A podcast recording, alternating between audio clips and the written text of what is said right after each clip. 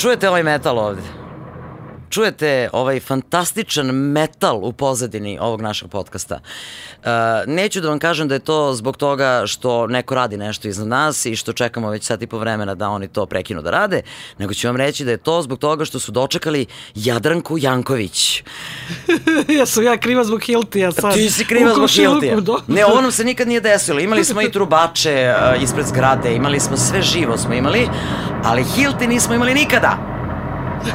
Ovo meni zvuči jače od Hiltija. Ovo su neke nove mašine.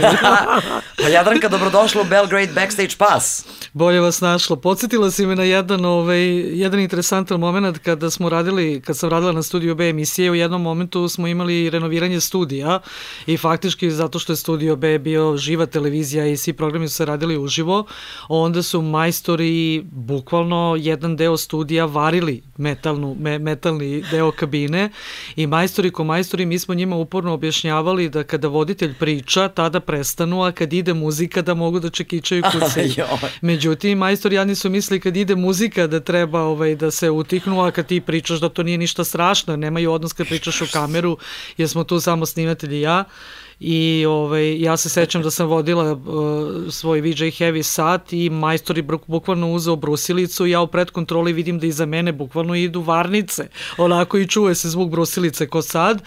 I pošto normalno onako samurajski sam rekla da vidite dragi gledalci ovo je heavy metal uživo jeli specijalni efekti u našoj emisiji. Tako da sad deja vi mislim ako se nije nikada desilo nego ja kažem ovde nama koliko već emisija imamo uh, Mislim, nikad nam se nije desilo to, stvarno. Eto, Dobro, ali Divlje Jagode imaju dočekali pesmu... Dočekali smo te, da. dočekali smo snimanje. Divlje Jagode imaju pesmu Metalni radnici, ovo su očigledno gore metalni radnici, mislim, tako da, eto, valjda, ako se dobro čujemo nas dve, ja mislim da nam ni Hilti ne može ništa. Ne može nam ništa, ne definitivno. Da, Mnogo mi je drago što si tu, ovaj, zato što... Mislim, na stranu što se znamo e, već neko vreme i što se negde družimo, nego, znaš, ja uvek nekako razmišljam kao Uh, ja sam sad ponosna i srećna koliko sam ja intervjua uradila, s kim sam se ja slikala i ja sam bila i, on, i onda vidim tvoj recimo Facebook profil ili tvoju biografiju ili tvoje neke te ta iskustva i kažem ništa ja nisam u životu uradila. Znači dovoljno je da vidimo, ne znam, Jadranka sa Lemijem, Jadranka sa, mislim, jao, ženo. I ceo život, meni neko, pogotovo što se radio voditelj, bila od malena, ali Jadranka Janković, Jadranka Janković i ceo život to ime, Jadranka Janković, nekako staviš pored metala i roka i to je Jadranka. Hvala lepo na ovoj najavi, ali nije da nisi ti uradila, uradila si dosta, samo što sam ja mnogo matorija. Apropo pa ne statusa na Facebooku. Pa si ove najveće careve. Da, kad gledam sa, kad gledam sa ove razine, mislim da da sam imala sreću, sam se rodila u to vreme kada faktički je ta scena nastajala i da mogu eventualno da je pratim.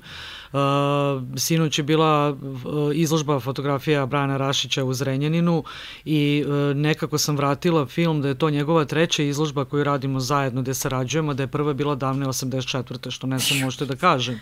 Imala pet da, godina, mislim. Ti si imala pet godina. I da 37 godina mi sarađujemo na, na njegovim izložbama, da recimo ovaj, da se znamo od 40 ili 4 dekade, tako da uh, Bogu hvala da sam rođena u to vreme s obzirom na sadašnje situacije, korona, čuda, kako nema koncerta, nema druženja i ostalo i da sam mogla da uhvatim te neke velike zvezde. Naravno, ja nikada neću biti zadovoljna jer će uvek ostati neki deo neostvarenosti, uvek postoji taj neko sa kojim ti nisi pričala i s kojim si želela i ostalo.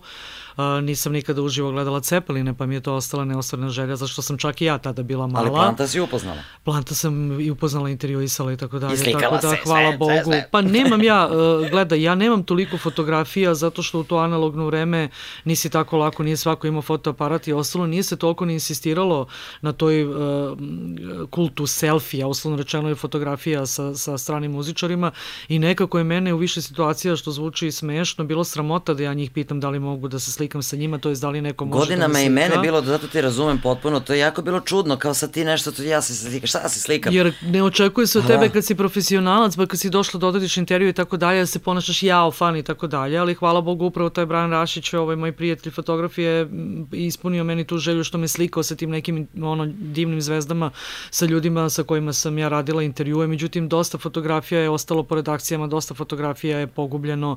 Čekaj, moguće da nisi jurila da ih nađeš?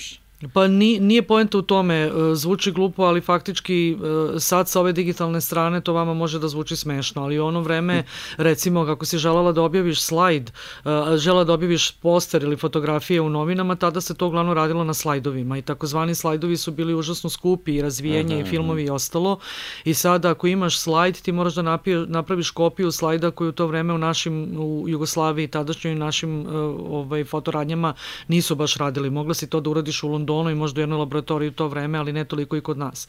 I sada bi bila dobra rezolucija te fotografije, bilo koje, ti moraš da daš original. Kada daš original i kada te sve fotke odu u štampariju, niko ti ne garantuje da će ti se taj slajd vratiti sa svim onim filmovima i ostalo, a faktički su meni dosta ovaj, posle kad sam radila u Ćao i tako dalje, urednici insistirali da ja počnem da se fotografišem sa tim Johnom Bon Jovijem ili sa ne znam, Joe Tempestom i Europa ili Lemmy i ostalo, da bi kao dokazala da sam stvarno radila te intervjue, jer uvek bude ono kao ja, ona je to izmislila ili ona je to prepisala i tako dalje. Da, da, ima tih priča I, za neki ovaj, od vas. Pa mislim neka ide, ja, ja ništa, ako sam ja izmislila te intervjue, onda sam ja najinteligentnija i najmaštovitija žena na svetu, jer ja one priče ne bi mogla da izmislim, tako da hvala što mi daju taj kompliment, ali ne nisam tebe, se... nego kažem generalno ima ne, nekih ljudi za koje kažu, ma da, to su oni. Pa zato što uh, mi kao nacija jako volimo ovaj, da obezvređujemo nečiji uspeh i tako dalje i kada to, ti nešto postigneš, ti možeš da budeš u celom svetu broj jedan, ali u tvom gradu će uvek da ti nešto nađu ili da ti izmisle i ostalo. Ranije sam plakala zbog toga, sad mi više to ne zanima, mislim prosto to što sam uradila, uradila sam, radila sam posao koji volim i kojeg ovaj, dan danas volim i to je neka moja strast i prosto mi je bilo logično da uradim te neke intervjue prvenstveno zbog sebe, a onda ujedno i zbog publike i zbog fanova koji su to čitali. Prema tome, Bogu hvala sad kad se vratim unazad, hvala Bogu da sam rođena u to vreme, jako mi sad teško pada kad ti ja pričam o starosti i godinama, ovaj, što sam starac fočo, ali dok još uvek ove zvezde uh, koje su aktuelne su negde starije od mene i tu mog godišta, onda se provlačim. E, zeznuto je kad dođu klinci, pa kad si ti onda tetka. Ko, ko je ovo? Ovaj, da, da, da, kad dođe čitava generacija klinaca gde ti govoriš totalno drugačije, ali uh, uh, nemoj da se lažemo, 80. su zaista bile, ja mislim, zlatno doba i za muzičku scenu i, i mnogo toga kad yes. su došle 90.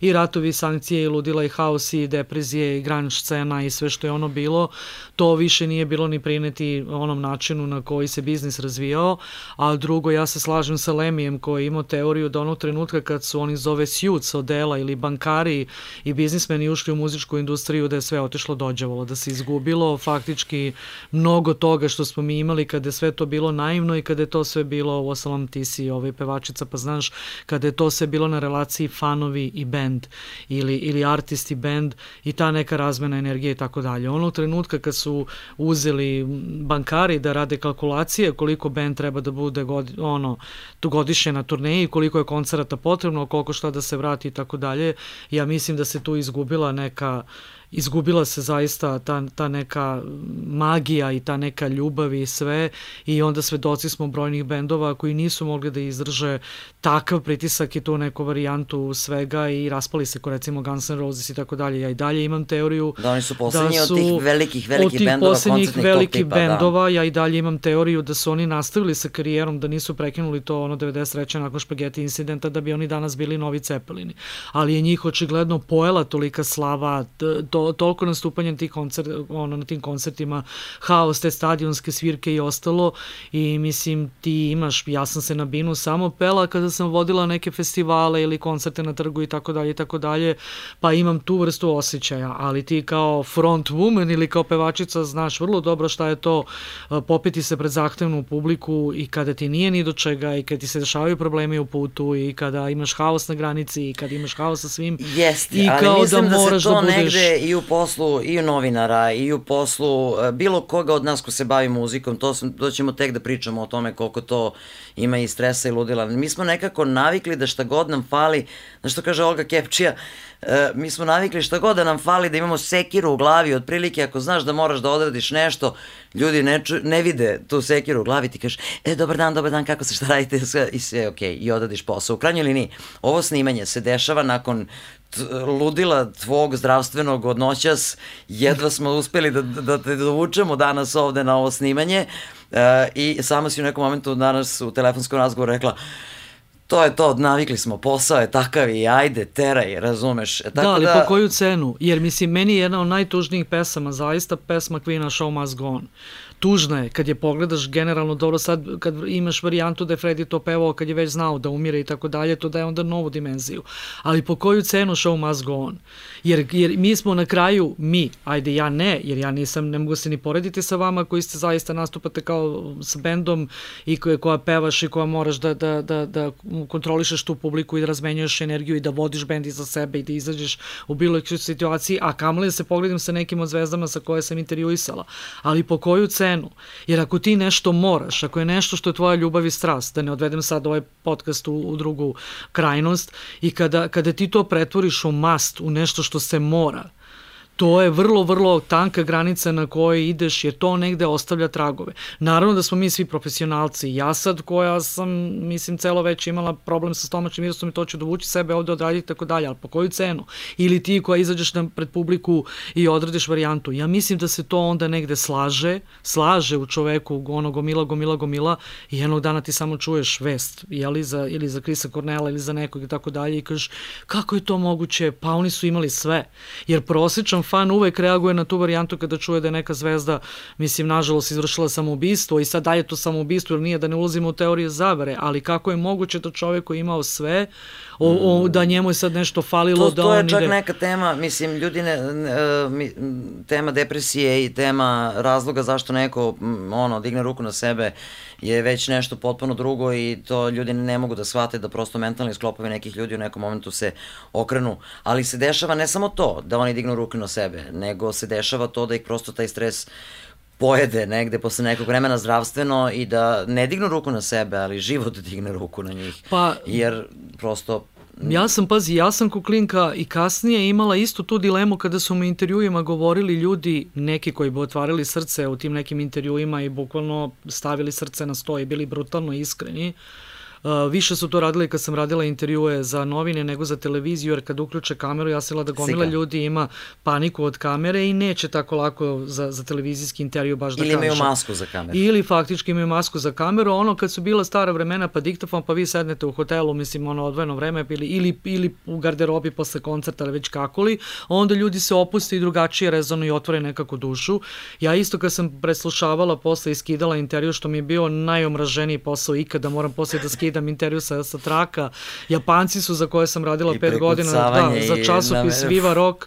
Oni su izmislili neku mašinu u kojoj staviš audio traku i ona sama sve poskida. Meni to bila erotska fantazija, ali nikad nisam kupila.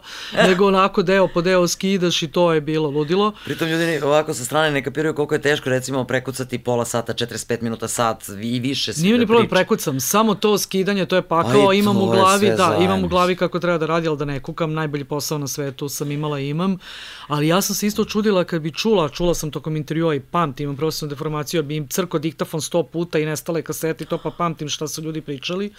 Ovaj, uvijek sam se čudila kad su mi ljudi govorili, a mnoge velike zvezde su mi rekle tu rečenicu da su usamljeni ili da se osjećaju sami i da je strašna samoća kad se on vrati u hotelsku sobu, koliko njega ta samoća proguta. I onda ti sad shvatiš, on je na stadionu sa, sa 100.000 ljudi na festivalima, s 50.000 ljudi, sa 200.000 ljudi i on je gospodar svega.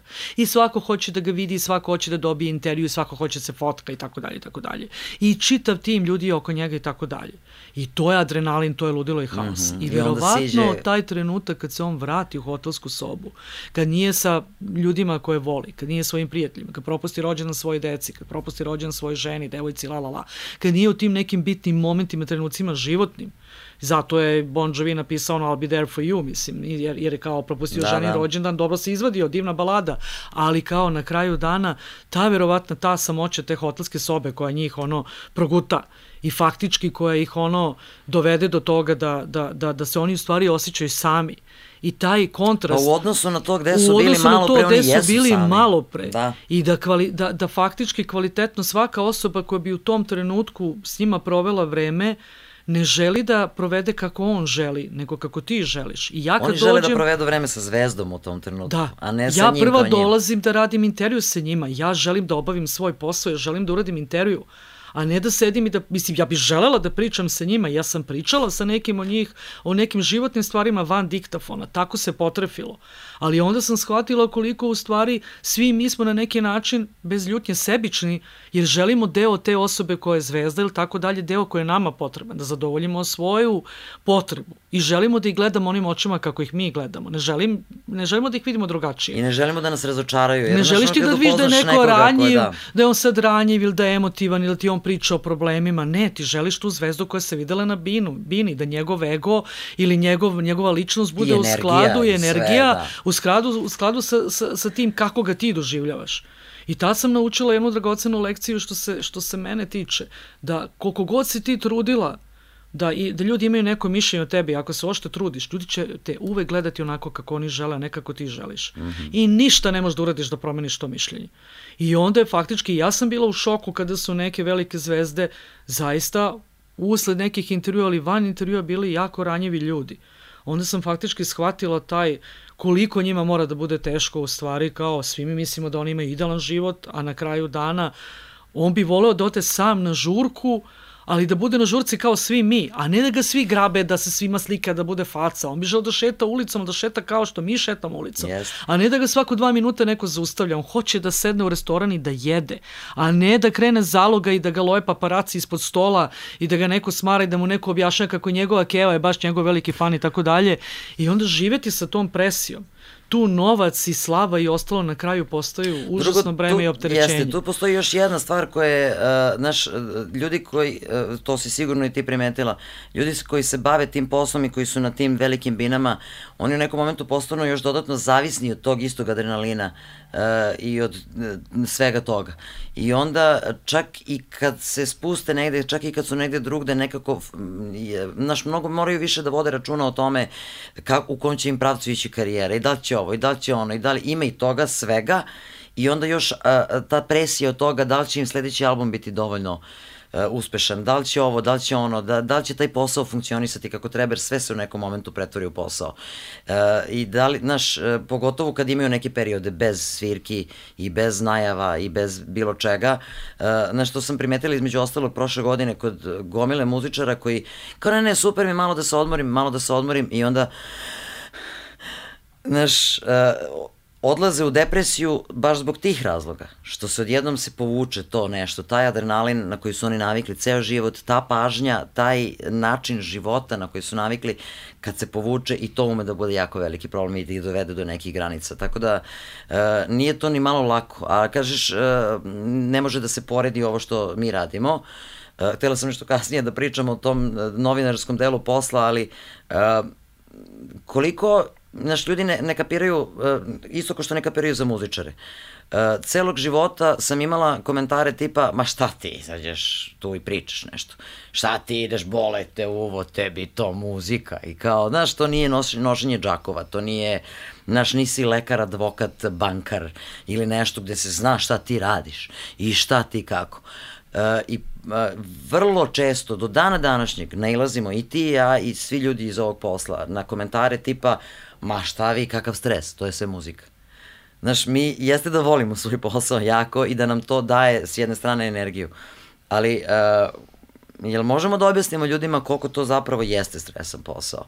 Sve ono što, čime se mi bavimo, da li se ti sad baviš PR-om, pa treba da organizuješ, pa treba da pričaš s ovim, pa treba da pričaš s onim, pa treba da svašta nešto, mislim, tu ima jako puno stresa. Ima stresa, ali da ne bismo mi sad odvukli ceo, celu ovu priču u loše stvari, tužne stvari, depresije, sve. Uh, ja imam teoriju da mi nismo normalni. Definitivno. I, I ne, ne, zaista, u odnosu uh, umetnici sami po sebi, kad si okružen umetnicima, Umetnici nisu u vinklu kao normalan čovek. Umetnik drugačije nisu, nisu. percipira, drugačije rezonuje i zato je umetnik.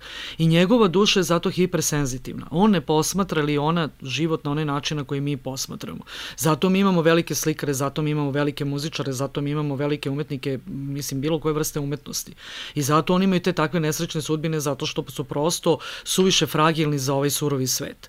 To nije nešto i, i ne shvaćam, pogledam Ocrtovu sudbinu, to je jezivo. Znači, kad pogledaš tu neku varijantu varijantu kad si ti kao genije, po pravilu te ljudi i osuđuju. Drugo nisi, uh, i ja kažem, kad, kad sad se smemo, kad kažem mi nismo normalni, uh, mi koji smo u ovom poslu, mi smo svi normalni jedni drugima ali samo oni koji žive sa nama znaju koliko smo mi da, ovaj, da.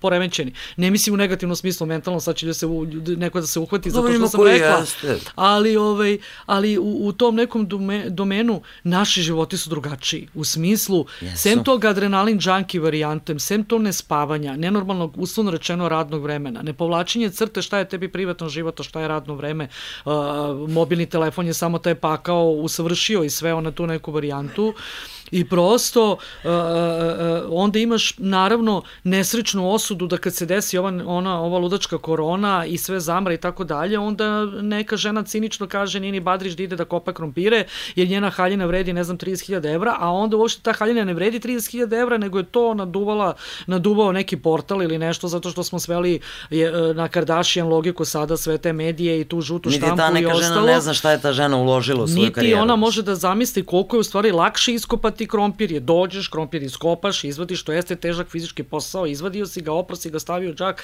i čao, doviđenja. To je pet puta lakše, nek mi Bog oprosti, to jeste težak fizički posao i ne želim uopšte da degradiram bilo koga ovde.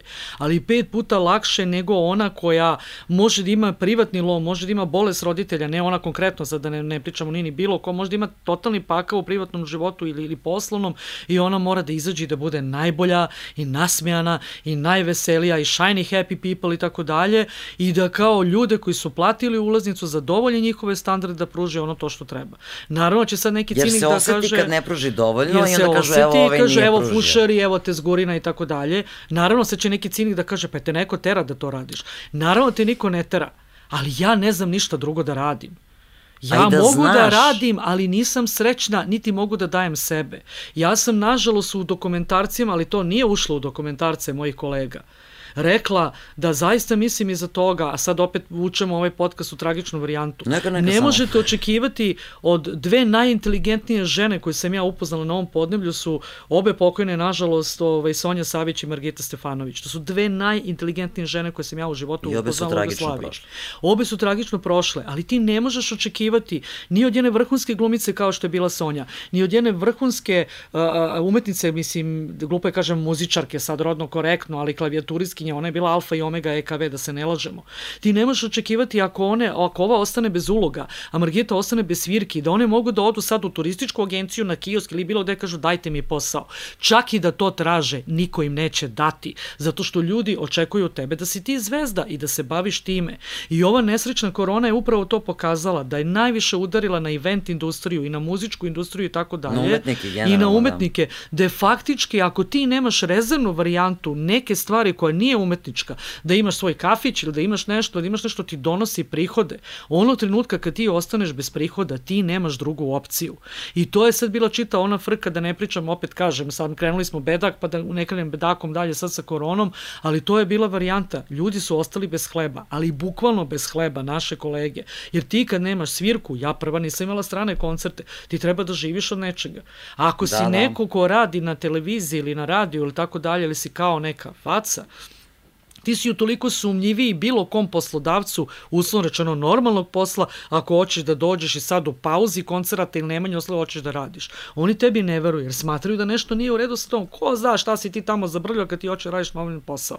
I to je to prokledstvo ljudi koji se bave ovim poslom. Ja ne želim nikome da se pravdam zašto je to tako. Ne želim da kukam jer sam ga sama odabrala. Svesno sam ušla u to, za to sam se školovala, radim to onda ću morati da kažem koliko, ko sam matora, ali radim to svoje 14. godine, a sada imam 56. Znači ja to radim 42 godine ovaj posao. Sama sam to htela. I kao ko mi kriv ali kao da je teško, teško je. Međutim, svi smo mi najbolji za nešto. Neko je najbolje da pravi kifle i najbolje pekara Jeste. u gradu i svi ga obožavamo. Neka žena je najbolja frizerka na svetu i ošiša nas i napravi nam frizuru kako mi u životu nećemo moći same sebi.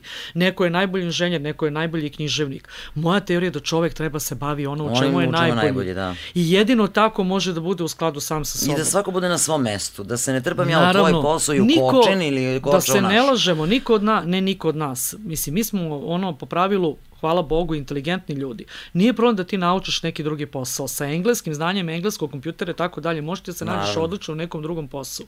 Ali ako ti nisi srećna, ti kao ti, ako je tvoja, tvoja životna uh, želja, opredeljenje, karma i štak sudbina, da ti budeš na bini, ti si najbolje na bini.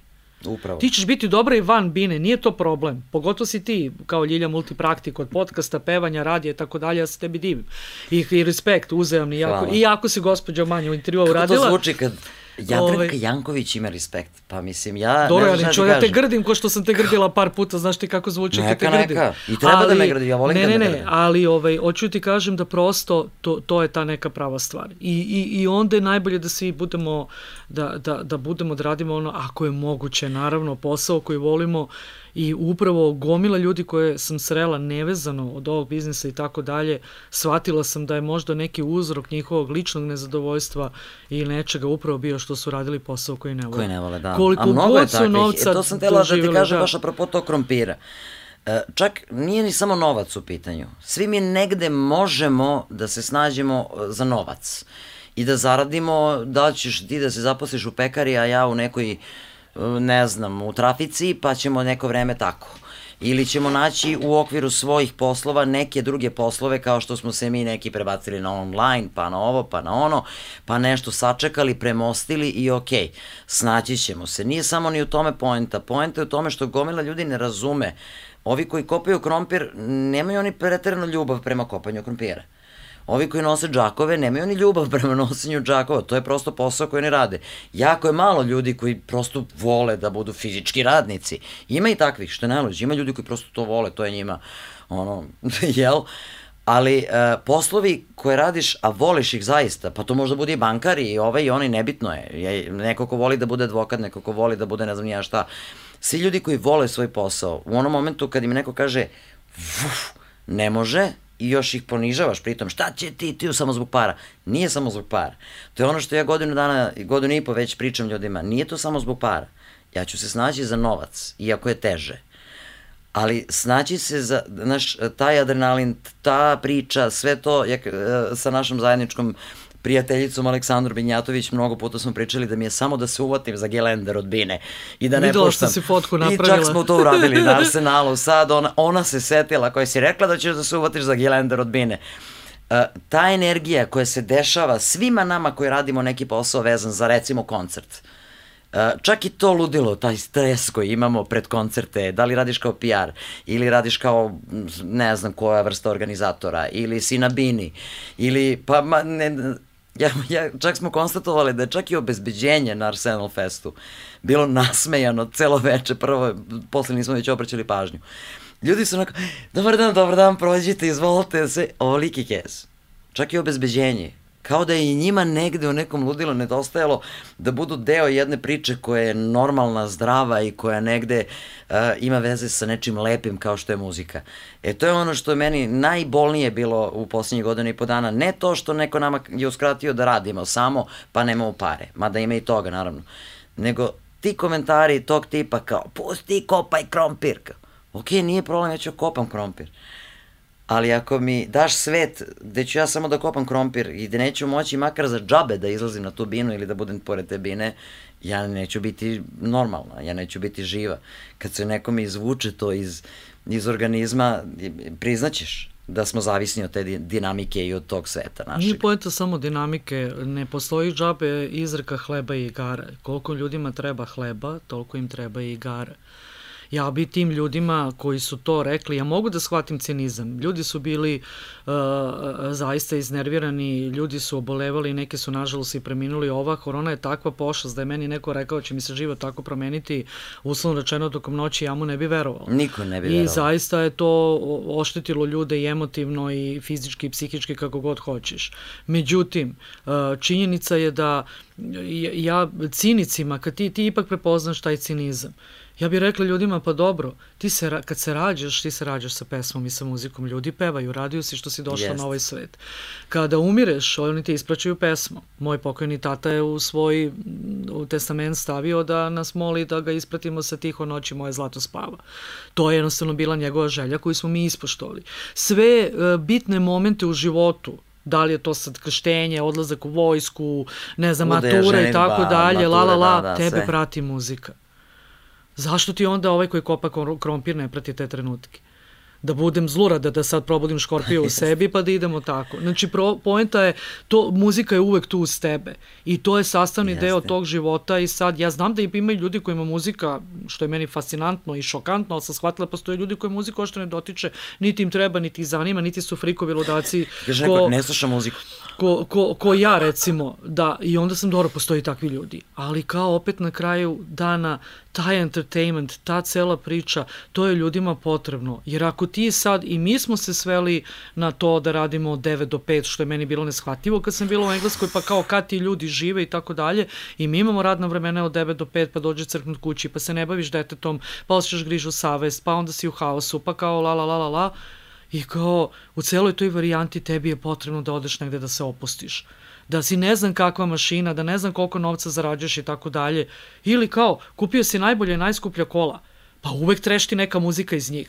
I ona najgora seljana kad prođe oni džipovi nesrećni sa onim... Uvek je muzika. Sa onim turbo nesrećama, jeste, jeste. ono trešti, ja gledam na ulici kao, bože, hoću li doživeti dan da iz ovog, ovakvi kola čujem nekog Hendriksa, zašto mora džihad uvek da bude i zašto mora da bude Kako neka... prođi pored mog auta, možda čuješ Rammstein. Ne, ali kao, i, i, i, i datle ide nešto muzika ili kopija muzike. Znači, muzika je moj život Ja mm -hmm. kažem ljudima, ja faktički nisam ja radila te intervjue zato što sam ja najpametnija, pa sam ja znala da će mene sudbina da odvede u tom pravcu, pa se sve isplanirala. Ne, ja to volim, ja sam od toga zavisna. Ja sam gomilala ploče kad sam bila klinka, ja sam ceo život... E, to sam tela da te pitam još na početku, pa smo otišli ona, ona na druge u teme. Dark side, da. Kako je počelo to? Mislim, e, ja od kad znam za sebe, znam za Jadranku Janković. I ona je uvek nekako tu. I od starta znam da je Jadranka Janković jedno veliko ime. Ali kako je to veliko ime počelo uopšte, kako si ti zaljubila u taj deo posla uh, koji, kojim se baviš? Kako je došlo uopšte do toga da ti kažeš jo, ja hoću da budem ne znam, novinar ili hoću da budem u tom svetu. Kako si ti uopšte, kako je došlo do toga, stvarno? Pa ne znam, ja mislim da je to moja sudbina. Neke stvari planiraš, neke stvari ne planiraš. A kad misliš da ti je prvi put negde krcnulo pa, to kao kad sam bila klinka, to baš klinka klinka, onda sam govorila hoću da budem profesor srpskog jezika. Mislim, Stvarno? To, to sam kao, ali klinka recimo sa 7-8 godina, ja ću biti učiteljica, predavajuću srpski, mislim, ludo. Pa ne, zamisli da si učiteljica čoveče, kako bi to Jadna bilo deca, srećom ne, ne, ne, nisam. Ne, ne, ne bi zamisli. Ovaj, Imaš ali... tu strogoću neku, znaš, taj neki onaj stav, ali imaš ne, ne, taj pa metalski to kad duh. Si, kad si klinka, znači kad sam bila klinka, klinka, drugo videla sam se sa svojom generacijom, videla sam ove što je sad zvuči kao dinosaurus priča, e, našlo me moje staro odeljenje kada su slavili 40 godina male mature, to je kad završiš osnovnu školu i videla sam se sa njima i naravno neki su, sa nekima sam se od njih videla prvi put posle 40 godina, što je jezivo, što je ludilo, znači videli smo se sa 14 i sa 54. Strašno. I onda su, ali konstatacije jesu bile, pa ti si uvek bila bila najbolja srpskog, ti si uvek znala da pišeš. Ja jesam dobro da. pisala, da. ja jesam osvala te neke nagrade, literarne sekcije, la la la, dobro sam pisala, to me zanimalo. Zato sam imala trip da hoću mojem profesora srpskog.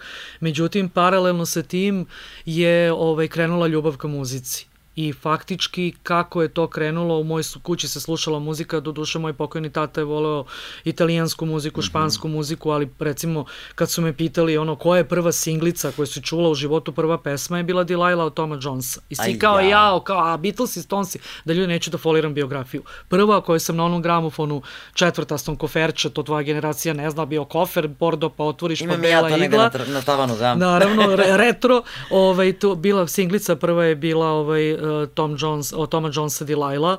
Čekaj, izvini, ti kažeš nećeš da fejkiraš biografiju zbog toga što je Tom Jones.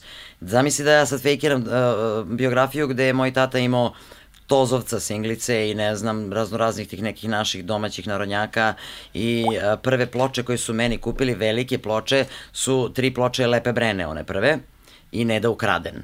Zora je sva, pa ti vidi. Tako da ja ću da fejkiram Ne, ne, ne, pa dobro i moj, moj tate volao te stare narodnjake, Silvanu i tako tu ekipu i vole Olivara Dragovića i ostalo. Mislim, to je muzika uz koju nekako odrasaš, ali faktički sam s jedne strane dobro pisala u smislu da, mi, da mi je srpski bio omiljen predmet i tako dalje. A s druge strane muzika da, da se spojila. S druge strane je krenula muzika I kako je krenula muzika, ja sam postala ono trajno zaražena muzikom. To mi je bilo odmah jasno kad sam je otkrila da neće to tako ovaj, dobro završiti i da, da, da će to biti to. I imala sam tu sreću što, što faktički sam uh, rođena 64. Onda sam uhvatila taj posljednji, uh, uslovno rečeno, kao talas hard roka, da je meni odgovaralo, mislim, odgovarao mi je taj zvuk. E sad, paradoks. Prvi koncert na kome sam ja u životu bila je bio Deep Purple, da je pevao cover do 75. kada je ne, ne, ne, ne, ja sam plakala koliko su me bolele uši. To je sve crnjak, jer sam imala 10 godina i to sam rekla Coverdelu kad sam ga videla ovaj, jednom prilikom. Mene je moj stariji brat od tetke, rekao je da me vodi u bioskop i da bi ga pustili na Deep Purple i onda je bila panika, Deep Purple dolaze 75. u Pionir. Rekao je, odešću ja Jadranku kao Zološki vrt i bioskop, ja sam imala 10 godina i odveo me na koncert Deep Purple, gde je pevao Coverdale. I to je toliko bilo bučno. I to je, ta, to je toliko, mene su toliko bolele uši da sam ja, on me podigao na ramena, ja sam sedela i plakala na njegovim jo. ramenima od šoka i užasa šta me je snašlo. Posle su ljudi rekli da je stvarno ozvučenje bilo prejako za današnje standarde, koliko je to bilo decibela i tako dalje.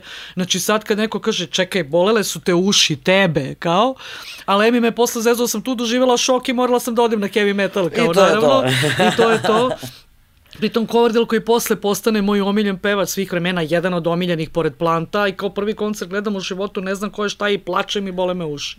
I to je meni zaista bila kao Sud, trauma, ali, ali Bog je hteo. Na više Da, da, kao kad pogledaš i na kraju ja sam uhvatila, slušala sam normalno u to vreme Led Zeppelin, Deep Purple, to su mi bili omiljeni bendovi, uh. -huh. faktički nabavljala ploče i sve.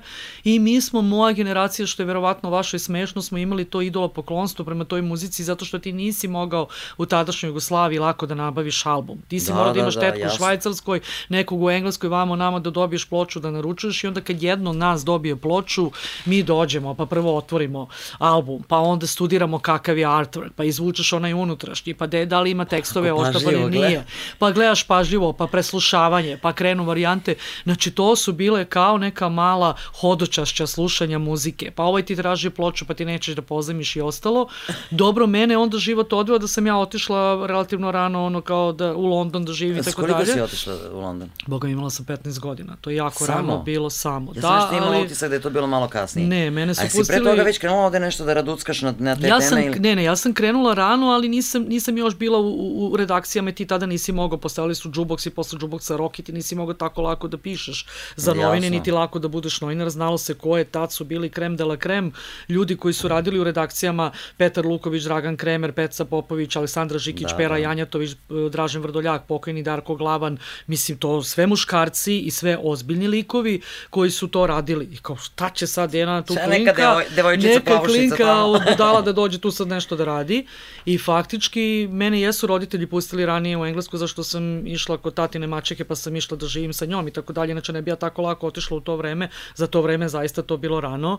I sad možeš misliti mene koja mi nismo imali toliko ovde tih koncerata, koja dođem u London i otkrijem koncerte, Marki klub Ludilo, jadna ta moja pokojna ovaj, baka, ona je, ja mislim da sam je oduzela 10 godina života, zato što kao idem na koncerte, moj otac i majka me pošalju kod nje da, da živim sa njom, a ja ko pušte na slanca, a ja da ko pušte na slanca kao marki, mislim, ono kao pa klubovi, pa la la la, i onda je to tako nekako krenulo da sam ja ušla u, u tu scenu, da sam krenula već faktički da da ide, dobijam ideju da bi ja mogla da radim intervjue, jer je meni je bilo logično zašto ja ne bi radila intervjue, da pitam ne? ljude. Ne, pa znam da zvuči smešno, ali zaista. Da, da radim intervjue sa, sa bendovima koje ja volim i da ih pitam sve ono što bi ja želela da znam i nekako mi je intervju koje, koji se smatra u novinarstvu najtežom novinarskom formom, meni je uvek bio najlakša, zato što sam mogla da piše, da pitam ono što mene zanima i da dobijem odgovore. To ove studiozne tekstove, istorijate koje radu Bane Lokner ekipa, ja bi se ubila da moram da kopam po podacima podacima, hvala Bogu na internetu, ali ono vreme, još, tad, još da, ono da, da. vreme da ti saznaš, pa dalje to taj podatak, pa dalje to taj producent, pa dalje to ovo ono, ne, meni uvek ležalo da je ko sad preko puta tebe, ja sednem preko puta svog idola ili bend i tako dalje i da mogu da pitam sve što treba da radim. I onda sam ja tako spontano krenula sa tim intervjuima, onda je faktički... A kako ste to tamo, ko, za, mislim, tako ja, ja sam došla do, ne, ne, kao... pazi, postoji anegdota, ja sam pokušavala uporno da, da dođem u redakciju Roka i nisam mogla da doprem do njih, nisi mogli, su bili u zgradi politike i ostalo i onda sam shvatila da telefonom neću ništa postići onda sam dana da je se uputila u redakciju i kao to je to, take it or leave it i čoveku na obezbeđenju nisi mogao da prođeš, Peca Popović je bio urednik u roku, ovaj, ja sam njemu rekla sam ja Jadranka Janković i da mi da Petra Popovića na telefon. I on je okrenuo Pecu i dao Peci, a Peca je mislio se pojavila sad već pokojna, nažalost, Jadranka Stojaković, pevačica. Aha. I kad sam ja rekla ko sam, ja sam se uvek predstavila imenom i prezimenom i rekao, ej Jadranka siđi dole, ajde dođi, la la la, rekao obezbeđenju da me pusti, ja ušla u redakciju Na prevaru, roka. isto ko Brian Rašić. Ne, ne, nije prevaru. Nije pre, a to je sudbina. I sad ja da, ulazim da. u redakciju roka, Peca gleda mene, ja gledam njega. Ko ste vi? Ja sam Jadranka Janković izvolite, ja bi da pišem, da radim. Ja volim, u, divno, evo još jedna. Mislim, Kao, u tom nekom dobro, domenu. I, ovaj, I onda je to krenulo, međutim, pet se valjda to nekako prepozno i imala sam, boga mi, jako težak zadatak. Ja sam prvo radila intervjue sa domaćim muzičarima i deset neprijatnih pitanja za. I onda cela redakcija smisli neprijatna pitanja. Neprijatnih. Neprijatnih pitanja, a ja sednem preko I puta... I rukiju. ne, ne, ne, a onda sednem preko puta Neše Galije koji mi je oprostio konačno posle 100 godina i pitan ga ga zašto mu je kosa stalno masna, za nema pare da kupi šampon i opere kosu ili yeah. tako, tako. Mislim, tu je bilo toliko neprijatnih pitanja ali sam ja hrabro to istrpela, jer kao ako je to vatreno krštenje, kao ono kad gledaš u američkim filmovima, pa sad moraš da prođeš kroz glupe inicijacije, ok, ja ću sesti preko puta nekog i postiću neprijatno pitanje, ako će me to dovesti do toga da radim ono što želim. I onda se tu bukvalno uh, ispostavilo da ja volim taj, krenuo je taj heavy metal, ja sam logično s hard rocka nastavila kao na heavy metal. Jasno. Dejan Cukić je radio tada heavy metal u redakciji roka i faktički bio zadužen za to, međutim Dejan je već iz bulevara Bara prelazio u Bajagu i njemu obaveze nisu dozvoljavale toliko da on može sad da radi kao novinar i onda je on nekako da, bio u fazonu, e, evo Jadranka nek preuzme, ona je onako to bolje, ovo radi, voli više, super, la la la, sve se poklopilo. I ja sam onda faktički dobila svoje mesto pod suncem, da se ne lažemo, a niko to drugi nije hteo da radi, tako da je meni bilo bingo, da ja mogu da se pokažem kao, uslovno rečeno, jedna od redkih žena u toj redakciji, a da nikome od njih ne diram njihove krugove, jer podrazumevalo se da će intervju s Bregurićem da radi Dušan Vesić, a ne Jasno. ja. Ili podrazumevalo se da će bez lake na peru da piše Pera Luković i podrazumevalo se da, da, da je Peca, koji isto jedan naših najčeg novinara i urednik da radi faktički to. Znači, ko sam ja sada dođem nešto da otmem i onda se paralelno taj London poklopio, zato ja kažem da je to sudbina sa tim i faktički znam da zvuči smešno s ove razine, ali nije tada toliko bilo teško doći do zvezda. Ja sam bila spremna da celu, da celu noć stojim ispred kluba i čekam da neko izađe i da ga najkulturnije zamolim da kažem da sam iz Jugoslavije, što ljudima bilo šoke, nisu znali ovo što je Jugoslavija. Da, da, priča Brian baš o tome kako su imali odnos prema strancima i prema nama, kao da smo, e, može sve, super I ono, akreditacije. I bili su, da, da, i onda, i onda faktički kao pristali su i verovatno kad bi čovek provalio posle par intervjua da ja nisam to neka budala, nego da sam odradila domaći i da ga pitam dobra, dobre ove intervjue, dobra, izvinjavam se, pitanja, dobra pitanja da. i radim to, onda je nekako to krenulo sa preporukom. Kad sam bila deo redakcije, onda sam već dobila pismo da sam deo roka, onda sam pokazala pokazala ljudima šta sam radila i onda tu kreće ta neka mreža faktički ovaj, de, de, de ljudi naviknu na tebe, da ti nude intervjue, da se boriš za to. I onda taj paradoks, ja sam ove slinke, slike Koklinka gledala i divila se njemu i govorila jao blago Raši, tako smo ga zvali kako on ima slika planta i kao sudbina ti do, do, dovede da ti to, s tim čovjekom postaneš prijatelj, ono saradnik da vas dvoje zajedno radite najveće intervjue, mislim i da on slika, ja pišem i tako dalje, mi smo i ono, Brian duže, a pet godina smo radili za taj časopis Viva Rock, apsolutno japanski, koji je išao do tiraža 4 miliona štampanih primjeraka, svi ekskluzivni intervjui sa Brianom naslovnom stranu su bili naši. Tako, a meni, erotska fantazija, izvinjam se ovaj, gledalcima na tome, zato što Japanci, da bi se engleski, intervju na engleskom prebacio u japansko pismo, oni su u proseku meni tražili da mi intervjui imaju minimum 12 kartica i 12 šlajfni, što je za mene bilo super, jer su mi ceo život kratili intervjue. I sad konačno ja mogu da se raspišem, Aj, ja mogu ja. da pitam I to je za, a tek su nam naravno Japanci otvorili vrata u, mislim da se ne lažemo u biznisu koja, koja teško da bi nam otvorila u svo dužno poštovanje Jugoslavija i ti da, onda da. kreneš da radiš i postaješ deo scene, a faktički su ti ono bendovi nastajali uh, nastajali faktički kad, kad, kad, kad smo ih mi nekako pratili. I onda svedoci smo upravo Brian i ja, Doron naravno mnogo više od mene i, i Sver je duže živeo tamo i postigao veći uspeh i sve. Faktički ti neki znaš, znaš band kad su bili mali, kad su pokretali, onda oni narastu do neslučajnih razina. Ali nekako mislim da smo uvek imali sreću što nas ljude pamte. I onda, hvala Bogu, onda je krenulo sa tim nekim ekskluzivama i sad kad ti nekog znaš, kad je uslovno rečeno bio niko i ništa, e, to je razlika. Yes. Izvini što si ovaj, domaća pevačica, to je razlika između naših muzičara i stranih. Stranac uvek pamti kada si mu se našao kad je bio niko i ništa. I uvek će ti se na neki način, redko ko, da neće revanširati kada postane jako veliki što će ti izabrati ili daći ti jedino intervju ili će ti dati kad nikome ne da i tako Pogotovo dalje. Pogotovo kad dobro uradiš neku priču i on te zapamti po tome što si dobro, zapamti, jer ima mnogo ljudi koji da, rade intervjue Naravno, onako po defaultu On će to da zapamti ili ona i uslovno rečeno revanširaće ti se. A naši muzičari kad, Ima kad toga donekle kod nas. Kod nekih ljudi kod oni nekih skontaju, da, zapamte i to je to. Naši kad postanu slavni, zaborave sve živo. Svo dužno poštovanje. I ono što sam naučila, verovatno, mislim, gledala sam i Brant je to isto rekao, što je veća zvezda, to je normalniji čovek. Kad upoznaš one najveće zvezde, ti shvatiš koliko je taj čovek normalan, koliko je neopterećen, koliko je super i koji nivo ima. Ja se sećam kad sam, kad mi isto igrom slučaja taj intervju neke koji sam igrom slučaja odradila sa Davidom Bovijem. Kada, kada je on otvorio hiljadu i jednu varijantu ja sam shvatila, sam bila ljuta na sebe, ja nisam bila spremna za taj intervju. Jesmo mi išli na preskonferenciju, a ne na face-to-face intervju sa njim. Koja se posle pretvorila u to. Ja, ja sam shvatila, nisam spremna da ne mogu da ga pratim. Kad je čovek otvorio sve teme od toga zašto želi da ima, vi gledali su to gledalci na studiju B pa znaju čemu pričam, zašto želi da ima dete sa Iman, uh, Ziggy Stardust faza, uh, koliko je impresionio Nikolom Teslom, kako je glumio Andija Warhola, šta je se prošao u svojoj karijeri. Ti sediš šokiran ono, od toga šta si sve čula, videla i koliko taj čovek s koliko širine on priča o toj nekoj fascinantnoj karijeri. Ja se sećam kad smo mi završili to, snimatelj moj, međuvremeno i prijatelj Milan Nikolić je to radio, ja, mi smo samo izašli iz te prostorije, samo seli na neki trotoar dole, to je onaj Pepsi Siget i tajac i čutimo. I samo u jednom momentu je Milan rekao, je ti shvataš da mi nikada više nećemo uraditi ovakav intervju, uprko svim intervjuima, da se ovo možda više nikada neće ponoviti, nažalost se nije ponovilo. Ali desi se, to je ta varijanta. I Lemi, Lemi je moj a najbolji intervju koji mi je dao 86. naslov, izašao je u roku, imam tačno onoliko pameti koliko je potrebno za ludaka. Ja sam s Lemijem pričala pre i posle toga, dosta puta. Ali Samo taj... tada se otvorila, ja ne mogu da objasnim zašto se u nekim intervjuima, nemam logično objašnjenje, sem da je to neka, ajde kažemo, viša sila, uh, otvori se neka pandorina kutija i desi se neka magija.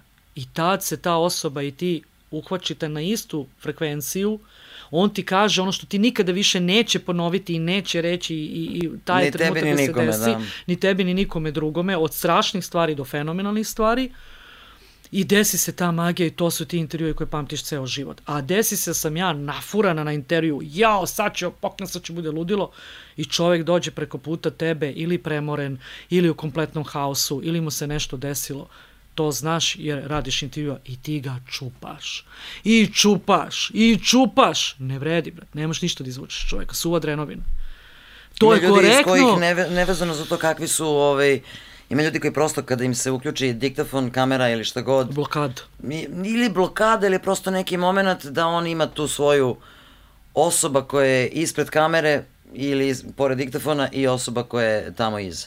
I to se vrlo često dešava i sa domaćim i sa stranim izvođačima, mada sa stranim manje čak. Oni su prosto takvi kakvi su, njih baš briga, oni su shvatili da oni moraju da, znaš, i čak se oduševe kad im neko postavi neko pitanje koje malo odskače od onoga što im inače postavljaju non stop ovi, e, o, klasični, u klasičnim intervjuima. Zato što je fascinantan broj ljudi, to su mi upravo govorile neke od zvezdi i to je meni porazno, ali je tačno, da je fascinantan broj ljudi i novinara koji ne slušaju njihovu muziku, dođu nepripremljeni da na intervju da. i pitaju klasična pitanja koje mogu da izvrte bilo kome. I onda su ti ljudi alergični na takvu vrstu intervjua. A toga ima svuda u svetu. I toga ima svuda u svetu, znači da ne bude da smo mi ono naj najgori od sve dece i zato većina muzičara ne želi da radi pre, ili bila si na preskonferencijama. Ti dovedeš bend, pogineš, moliš promotera, sve živo i čo, ljudi sednu i tajac. Ja sam to imala sa Metalikom. Ja sam se izvrnula na opačke bukvalno sa, sa ovaj, sad i tvojim direktorom Rodoljom Stojanovićem, mi smo, mislim i Maksa Čatović je radio, ali mi smo svi bili u tom, u, toj organizaciji prvog metaličenog koncerta 2000 i ovaj, kako se zove, četvrte na stadionu Partizan, Partizana, kad su da. došli. I, i, i svi znaju da Metallica nikad sva četvorica ne dođu na preskonferenciju, pogotovo ne James i Lars, nego budu ili Kirk Hammett ili Rob Trujillo Jason Newsted i tako dalje. Ja sam, ja ne, ne sve da kažem šta sam sve radila da ih namolim, da, da oni dođu sva četvorica, I pritom, kako je tad bio onaj 11. septembra nesrećno, pa su imali posebne zahteve, menadžer je rekao da nema iznajmljivanja, nema izlaska iz Partizana, stadiona Partizan. Ne možemo mi u hotel da ih odvedemo i da, da unajmimo salu tamo pa da se uradi pres, nego unutar toga. Mi smo mini basket salu preradili kao salu za preskonferencije, što smo dali da se izradi cela scenografija za tu salu, da zamaskiramo sa St. Angrom koševe, zato Rođa ima u svojoj, ovaj, ima još uvek autorame potpisane u svom ofisu, gde su oni potpisali, da sve napravimo i prilagodimo tome da tu, da tu bude preskonferencija. I oni su pristali da se pojave sva četvorica, ja sam srećom imala rezervne kolege novinare da imaju prvo pitanje i sala su sva četvorica, la, la, i tajac Niko ništa ne progovara, niko nikako pitanje pa ne postavlja. Možda ljudi imali tremu, ne, bre. Posle su mi ljudi rekli da su bili u kompletnom šoku, da se tako veliki uh, bend pojavio sva četvorica tu pred njima i da imaju šansu da ga gledaju. Prati vreme da ja ne pretram sa pričom. Ne, ne, jer samo ti priče, meni je ovo toliko zanimljivo, možemo do večeras. I bio je tajac. Ja sam bila, da li je moguće da niko neće ništa pitati Metaliku? I onda srećom sam pogledala tada Koleta Polzovića i Uroša Milovanovića koji su digli ruke, uzeli tako, pa su se ljudi kao opustili. Ne, moram da ti kažem jednu stvar. Ja, na primer, na konferencijama za novinare nikad nisam postavila pitanje. Iako sam godinama radila kao novinar.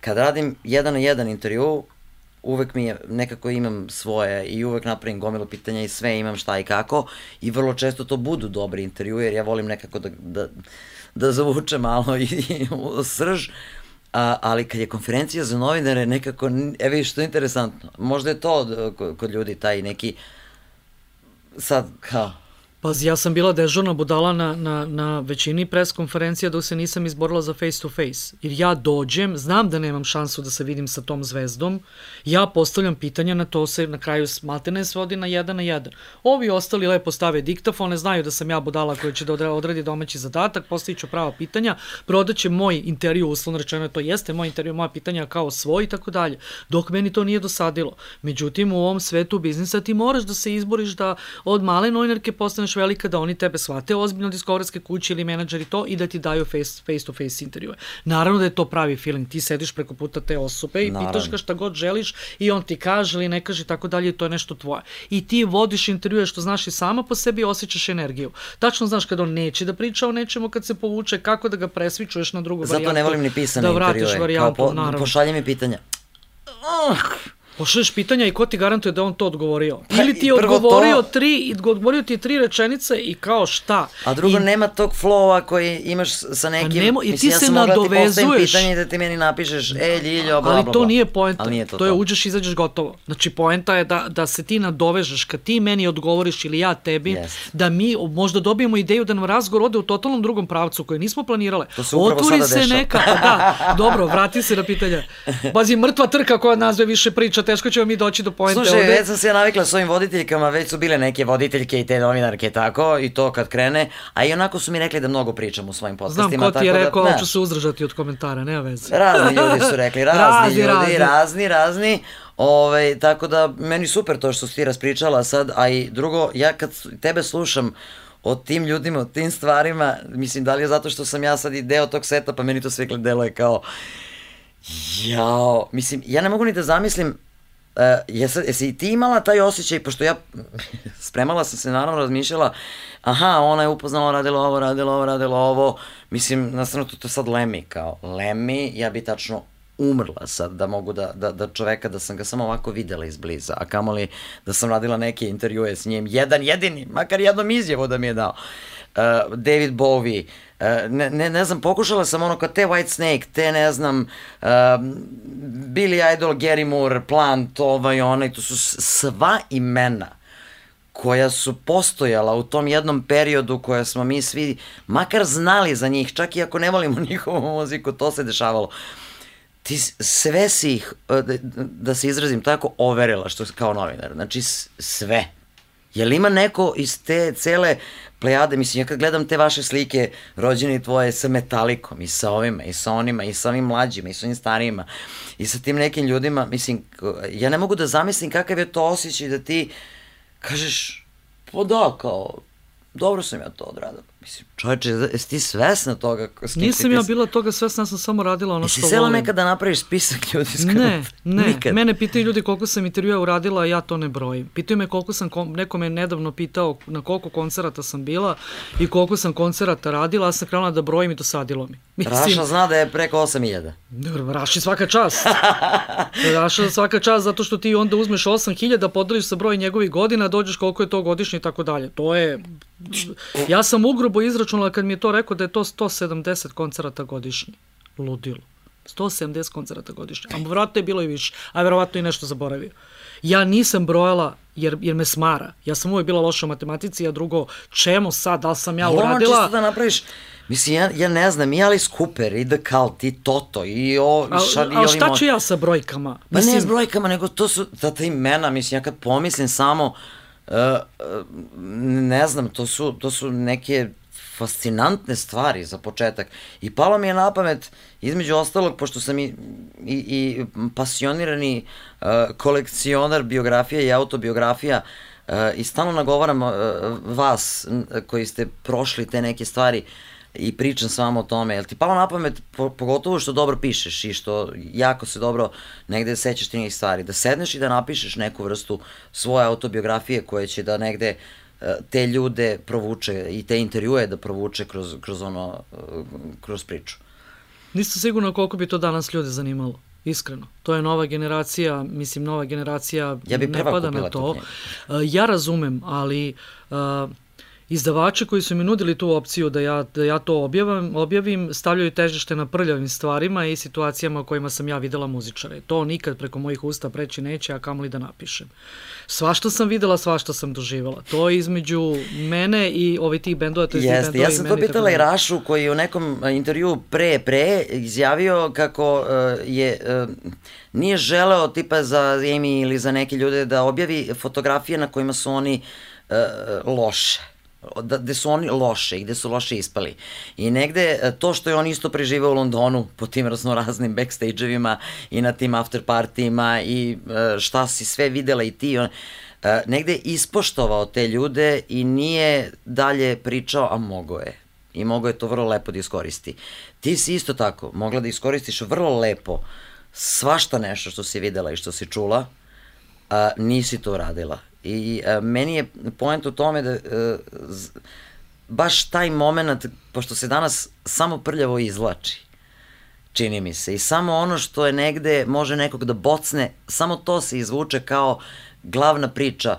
Znaš, sad ću se kratko jako, uh, ono, samo da ilustrujemo uh, od svih ovih priča u mo, ovom podcastu, recimo, do sad, uh, Uh, osim, uh, ne znam, Zoranović je pričao o Balaševiću koja je onako zaista emotivna Emotivno, i lepa da. i mesto gde on prvi put ispričao neke stvari. Posle toga se iz uh, emisije sa Čutorom izvukao jedan deo uh, koji je vezan za čorbu i za ovo i za ono. Ok, čovek je rekao to što je rekao, ima podcast postoji, mogu svi da vide, ali iz gomile lepih priča, samo iz tog podcasta koji traje skoro dva sata ili dva sata, ljudi su izvukli to nešto prljavo, ajmo prljavo, ajmo nešto da... Uh, i, I stalno se iz tebe, ti dođeš u neku emisiju, na primjer lupam sad kao neka zvezda i oni kao, aha, kao, a šta ti ovde, šta ti iza? Znaš, nekako se pretvorilo u paparaco novinarstvo sve. Pa da, znaš što je najžalosnije? Da su oni bar izvukli, da su bar izvukli ono što je Čutura stvarno rekao. Pa se nadam da ćeš im poslati zaista šta je rekao u podcastu, ni po jada. Rekao, rekao, to je tako. Naravno, ali oni su izvukli ono... Nego ga, oni bukvalno urade ono parafrazu toga što može da se može da bude a ne mora da znači, a u, u glavi prosečnog Srbina mora da znači. Naravno. I mene ta to tabloidno novinarstvo, mene to žutilo i sve ovo što sada postoji užasava. A čekaj, ali nije bilo i tad novinara koji su se bavili na taj način nekim stvarima? Verovatno jeste, pretpostavljam, jel? Imao Ili si, nisi imala u ovolikom broju, imala si taj san, imala si kod nas onaj asta, bloid i tako dalje. Tu ljudi koji su uvek želeli, mislim, da, da iskopaju to najgore. Ti nesrećni paparaci su ubili princezu Dajanu Jureći je, mislim, pobogu. Mislim, to je bilo, uvek je bilo taj fazon da kao, ali ne, ne, ne sa olikom zlom namerom, nisi išao tendencijozno. Naravno da su i tada pojedinci ono plaćali fotografije gde je neko se pojavio ono vreme u toplasu što je bio skandal ili ne znam sa ovim ljubavnikom ili ovako ili onako ili u lošem izdanju i tako dalje. Toga je bilo. Ali to nije bio must, to nije bio prioritet. Te novine su bile žute i nisu imale respekt, nisi se smatralo da je to glavna perjanica nekog novinarstva. Imao si s jedne strane e, ozbiljne novine i, i časopisi i tako dalje, imao si so, sa, sa druge strane žutilo. Nije se des, de, tada dešavalo da ti imaš deset dnevnih novina kao kod nas i da svih deset čup, čupaju ono žutilo. I dnevne i ta, ove i, i kao, one ali, svi. Ali kao čemu? Pa onda mi kada na fejsu komentarišemo umremo od smeha na nebulozu neke najave, nećete verovati šta se tada desilo. A ništa Ona se se desilo. pojavila sa svojim emotivnom partnerom, pošto ako je baba, onda ne može da ima dečka, pa se to moderno zove emotivni partner, ja budem zlurada, mislim, koga boli uvo za to? Ja ne. razumem, ali meni je to, meni je to dno dna. Ja kad bi objavila, zaista, ja sam imala ideju da to budu neki, da ih nazove metalni memoari, kad dođe vreme. Da objavim sve ono što sam videla i doživala, to bi pucali brakovi, padale bi glave, ko zna bi ja živa opstala. Da objavim jedan na jedan, ali koga to zanima? To je bukvalno neka varijanta i neka Čak i zauvek... da ih zanima. Hoću da, da, da izvučemo onaj moment, uh, tebe su zvali ponovo da radiš neke stvari, baš zbog toga što si im ukazala poštovanje. Ja sam imala slične situacije sa nekim domaćim izvođačima koji su mi zahvaljivali još kao klinki od 20 i nešto godina što sam profesionalna, što meni bilo ne razumem. I onda sam te kasnije shvatila zašto. Jer nikad neću da izlačim nešto iz njih što zanima tabloide, nego ću da izlačim nešto iz njih što zanima ljude koje zanimaju oni kao muzičari, oni kao likovi, kao ovako. Znaš, uh, hoću da kažem da nekako imam utisak da se treniraju uh, mlađi novinari sad kao da samo da izvučeš to najlođe, razumeš, nema veze, to nije bitno, ajmo, ajmo, ajmo, kratko, jasno, prepiši, ne navodi izvor, whatever, šta god. Ali u suštini da bi ti postao ime, jedno, U ovom slučaju Jadranka Janković. Ti ne bi bila Jadranka Janković da si uh, tolikim slovima, velikim, da si uh, počela da, da se baviš tabloidnim temama i da nisi ispoštovala sve te i velike i manje ljude sa kojima si radila intervjue. Da, ali Nisam Bogu upravo. hvala, čekaj, ali Bogu hvala sam se radila u to vreme. Ja da danas treba budem novinar, ja bi crkla od gladi.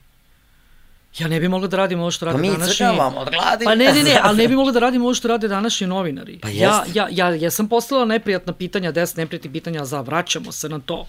Znači, deset neprijatnih pitanja, da, ali da li jedno od tih neprijatnih pitanja bilo prejako za tog nekog, ja postavila. verovatno ne bi postavila.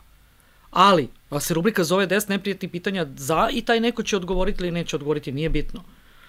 Međutim, poenta je u tome što, što danas Svako se naziva novinarom, ja imam pravo to da kažem, nisam žela da vređam kolege, ali svako se naziva novinarom, od elementarno nepismenih ljudi do, do ljudi, mislim, znaš, ono kao, e, nije završio fakultet, ne zna šta će sa svome, aj nek bude novinar.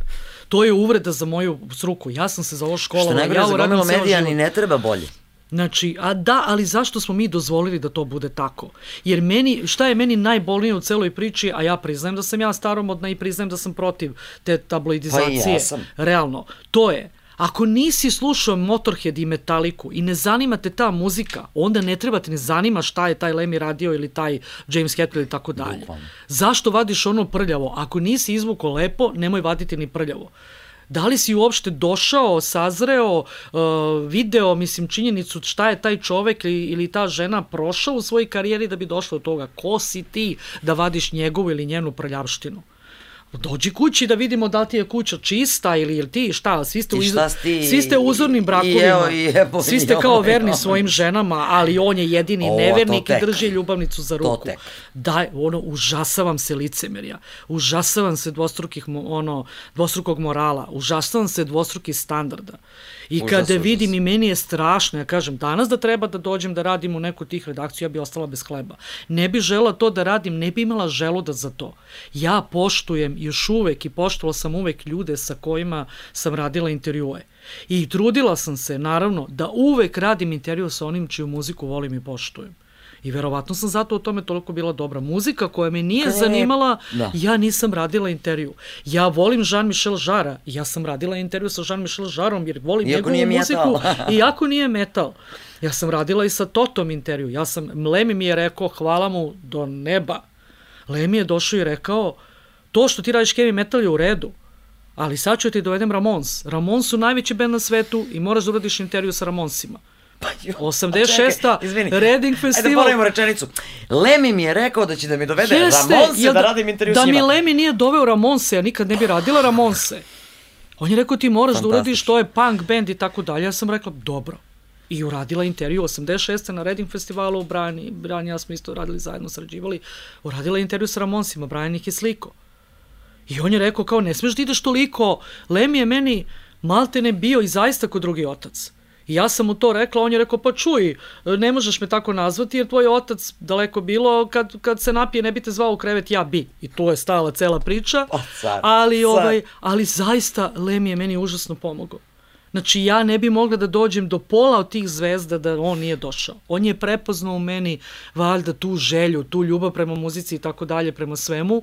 I on je me, on me upoznao sa Robertom Plantom. Kad bi ja došla ono vreme do Roberta Planta, ekspevača Bled Cepelina, da Lemi nije rekao, e, ovo je moja drugarica iz Jugoslavije, nešto veliki fan, ajde ako možeš daju intervju, dobra je u tome.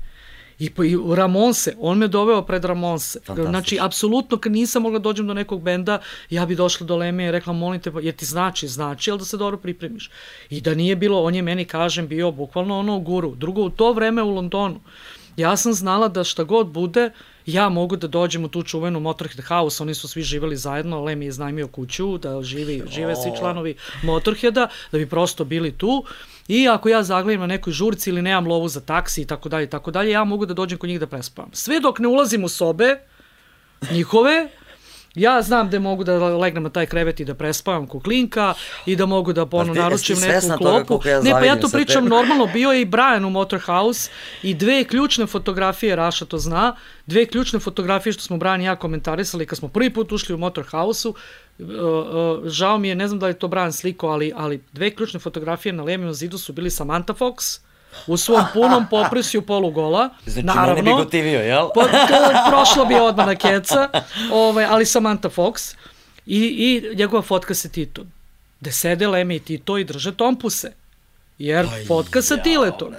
I on je bio prvi muzičar, ko, zapadni muzičar koga je Tito primio u svojoj rezidenciji kada je došao ovde sa Rockin' pa da, Vickers. Da, da, da. I on je želeo da upozna Tita i tražio je da upozna Tita, jer je hteo da upozna Tita zbog, on je jedan od boljih poznavalaca istorije drugog svetskog rata i zaista je želeo da upozna Tita kao Tita.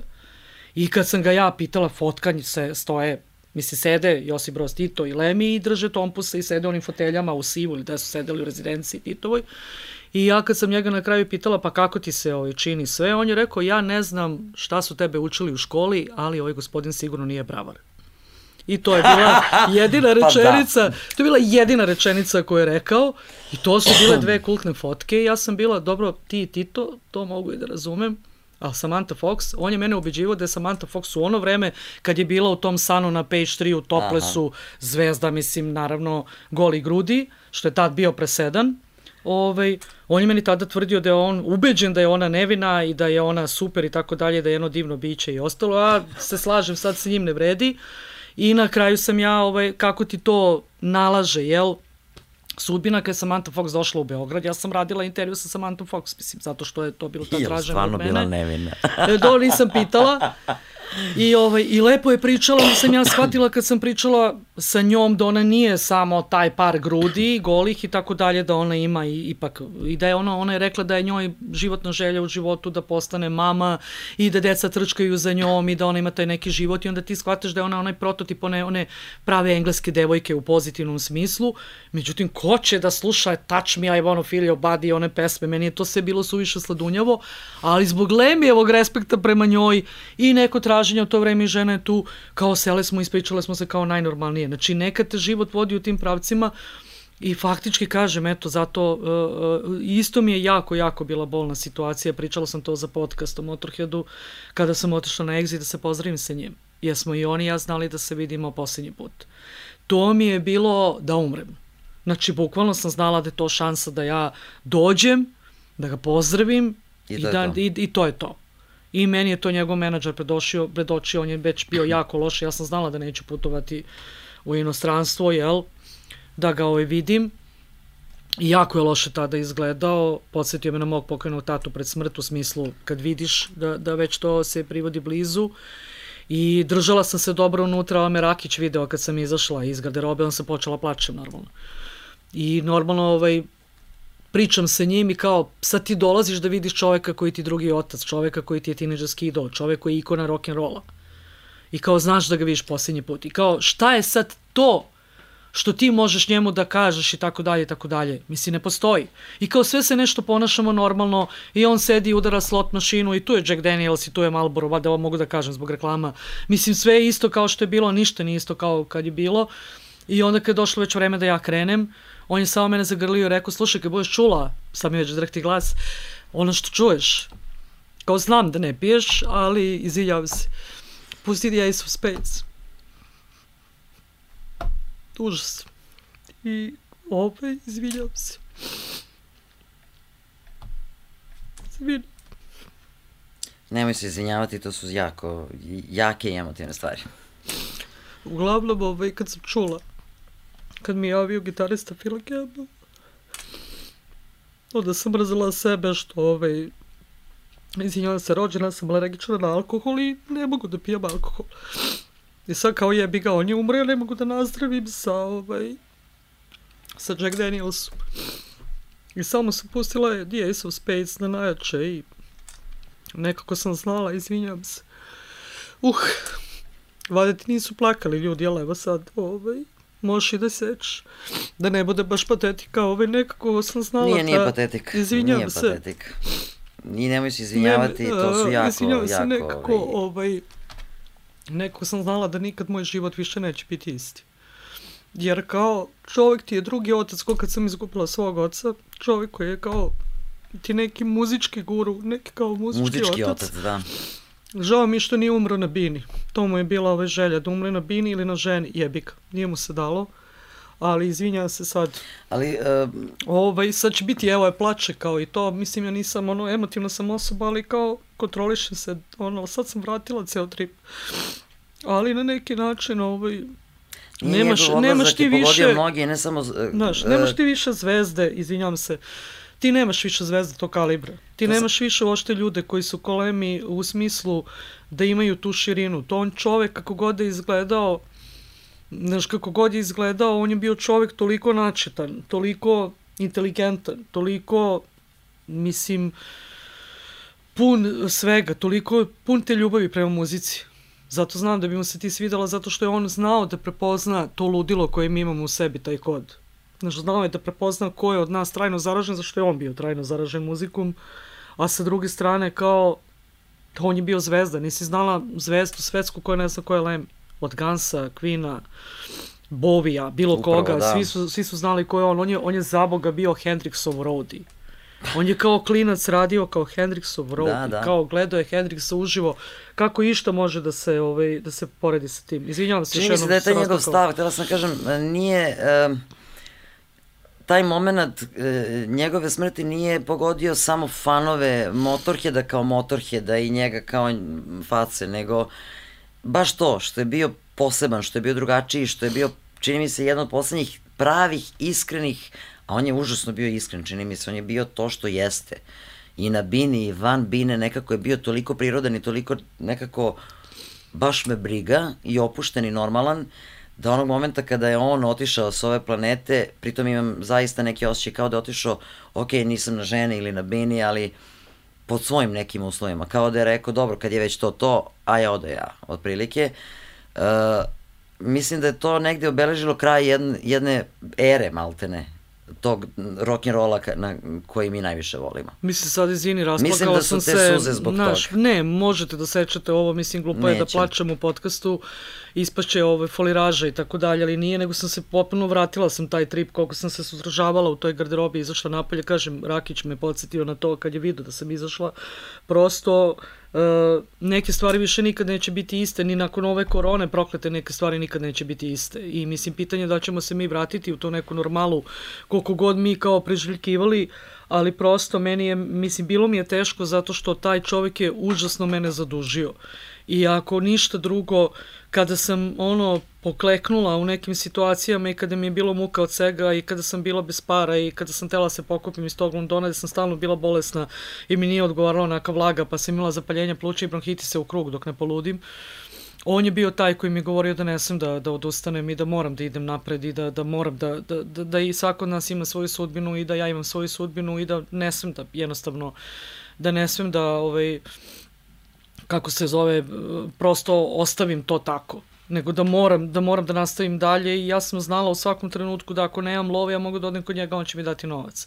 Što ti znači u tom trenutku kad si klinka i kad nemaš neka leđa i kad se boriš za svoje mesto po suncem i tako stvar, dalje. Što je zaista velika stvar da jedna takva zvezda tebe da, prihvati da će kao mi da, da neću biti žena, da neću biti gladna, da će mi kao držati leđa, zato ja kažem da je on, on malte ne moj drugi otac. To ti očekuješ od oca. Otac vodi o tebi kao čerke, broj moj otac vodi o meni na najbolji mogući način, da te usmeri u pravom pravcu, da bude stroka treba i tako dalje, a da ti opet da ta neka leđa koja, koja ti ceo život pokušavaš da nađeš, da li u suprugu ili u prijateljima i tako dalje, tu neku zaštitu.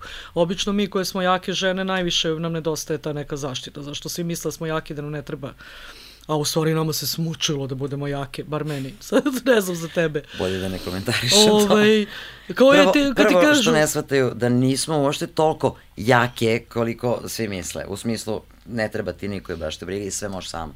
Ne mogu sama, nego moram sam. Pa i ne moraš, ali nisi na, Moraš. ali nisi na, kraju, na... na kraju se do, dođe do toga da moraš.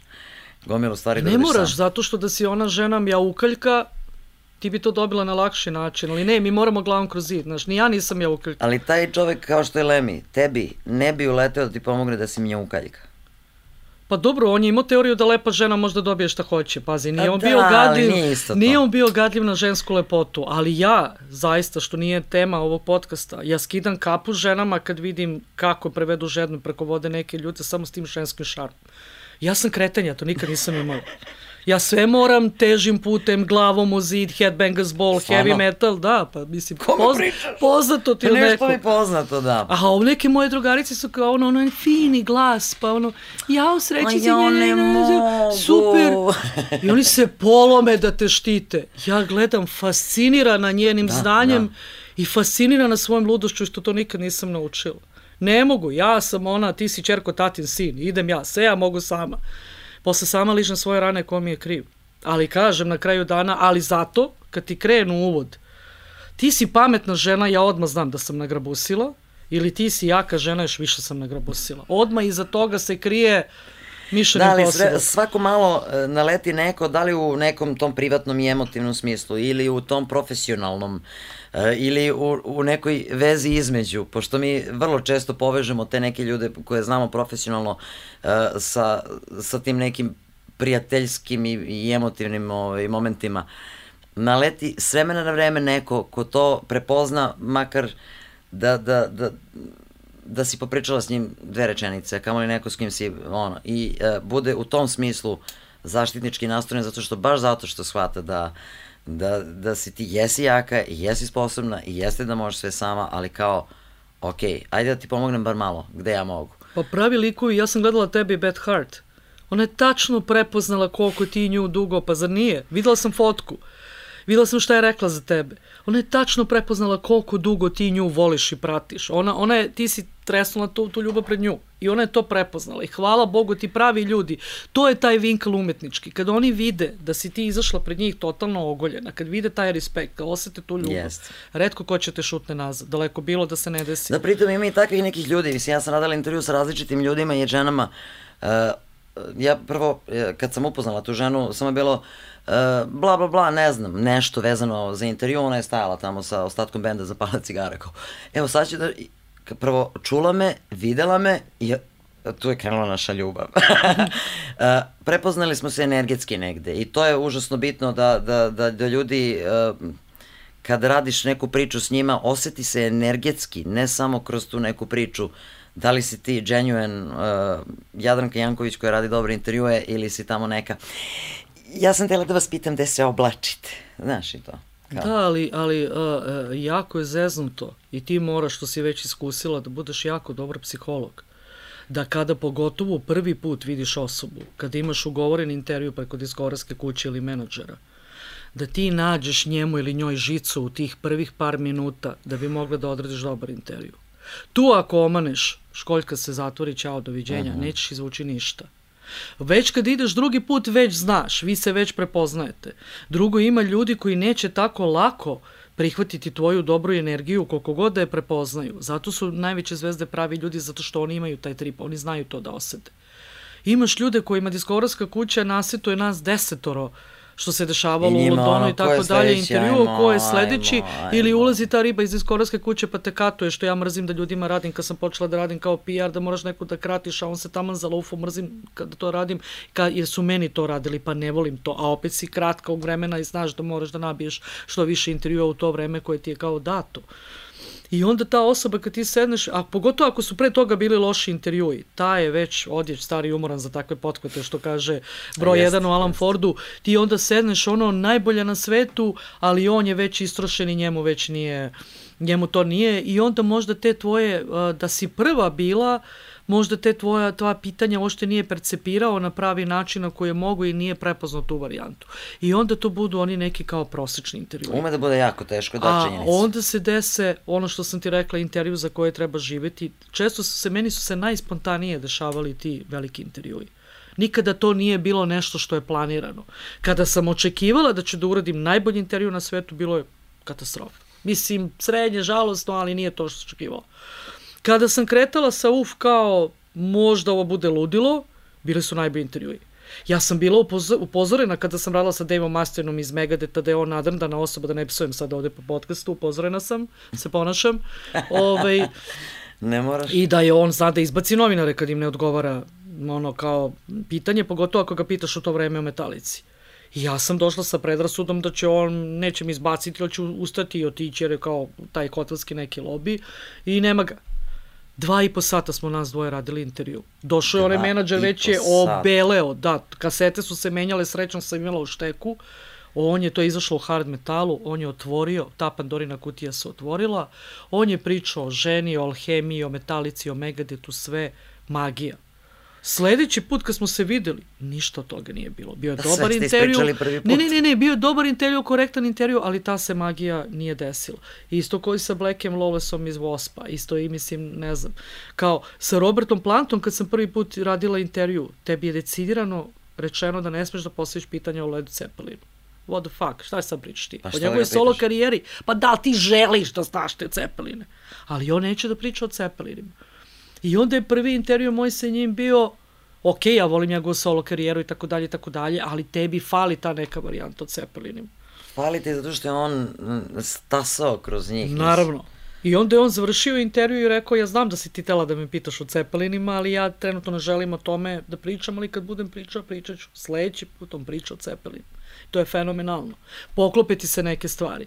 Ali kažem, imala sam sreću da su svi ti veliki ljudi, da sam dolazila sad zbog čovjeka zbog koga sam se malo pre rasplakala, zahvaljujući Lemi, zahvaljujući poznanstvima, zahvaljujući svom trudu i tako dalje i tako dalje, da sam ono uspela da ih uhvatim tada u nekom naponu snage i da sam biološki ili, ili po godinama bila slična njima, pa sam živela u periodu kada su oni uslovno rečeno bili dostupniji i kada sam mogla da dođem do njih i kada su oni bili spremni da pričaju. Ali ja verujem da i mnogo toga e, nije samo taj i ta sreća negde i taj neka povezanost i generacijski, sve to je tačno.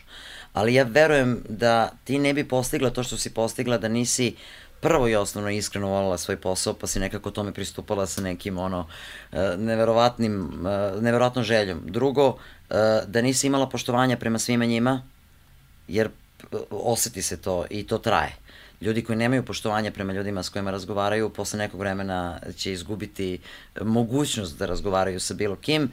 I ono što je e, interesantno, a već se negde kod moje generacije lomi, e, to je činjenica da, da to moram da isto kažem, meni je fascinantno bilo, mislim ja znam mm, što šta ne volim od malena da pamtim podatke, informacije i ovo i ono i onda kad god recimo radim PR za nešto, ja moram malo da uđem u materiju nekad i da čak ne, ne znam ni ja šta tu kao razmišljam o tome, uh, zato što sam već uh, potkačila jedan dobar deo ovog momenta sa internetom gde mi psihološki znamo da nam je sve na internetu i da nas baš briga.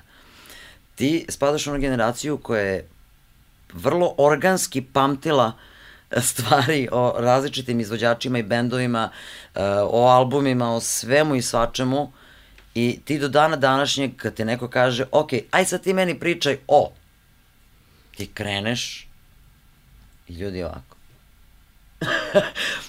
Neverovatno znanje, drugo ulagala si i vreme i, i sebe u to da o tim ljudima s kojima radiš intervju i da to spremiš i da prosto negde uđeš u tu materiju, ja mislim da i, i e, to je jedan od razloga zašto si došla dokle si došla.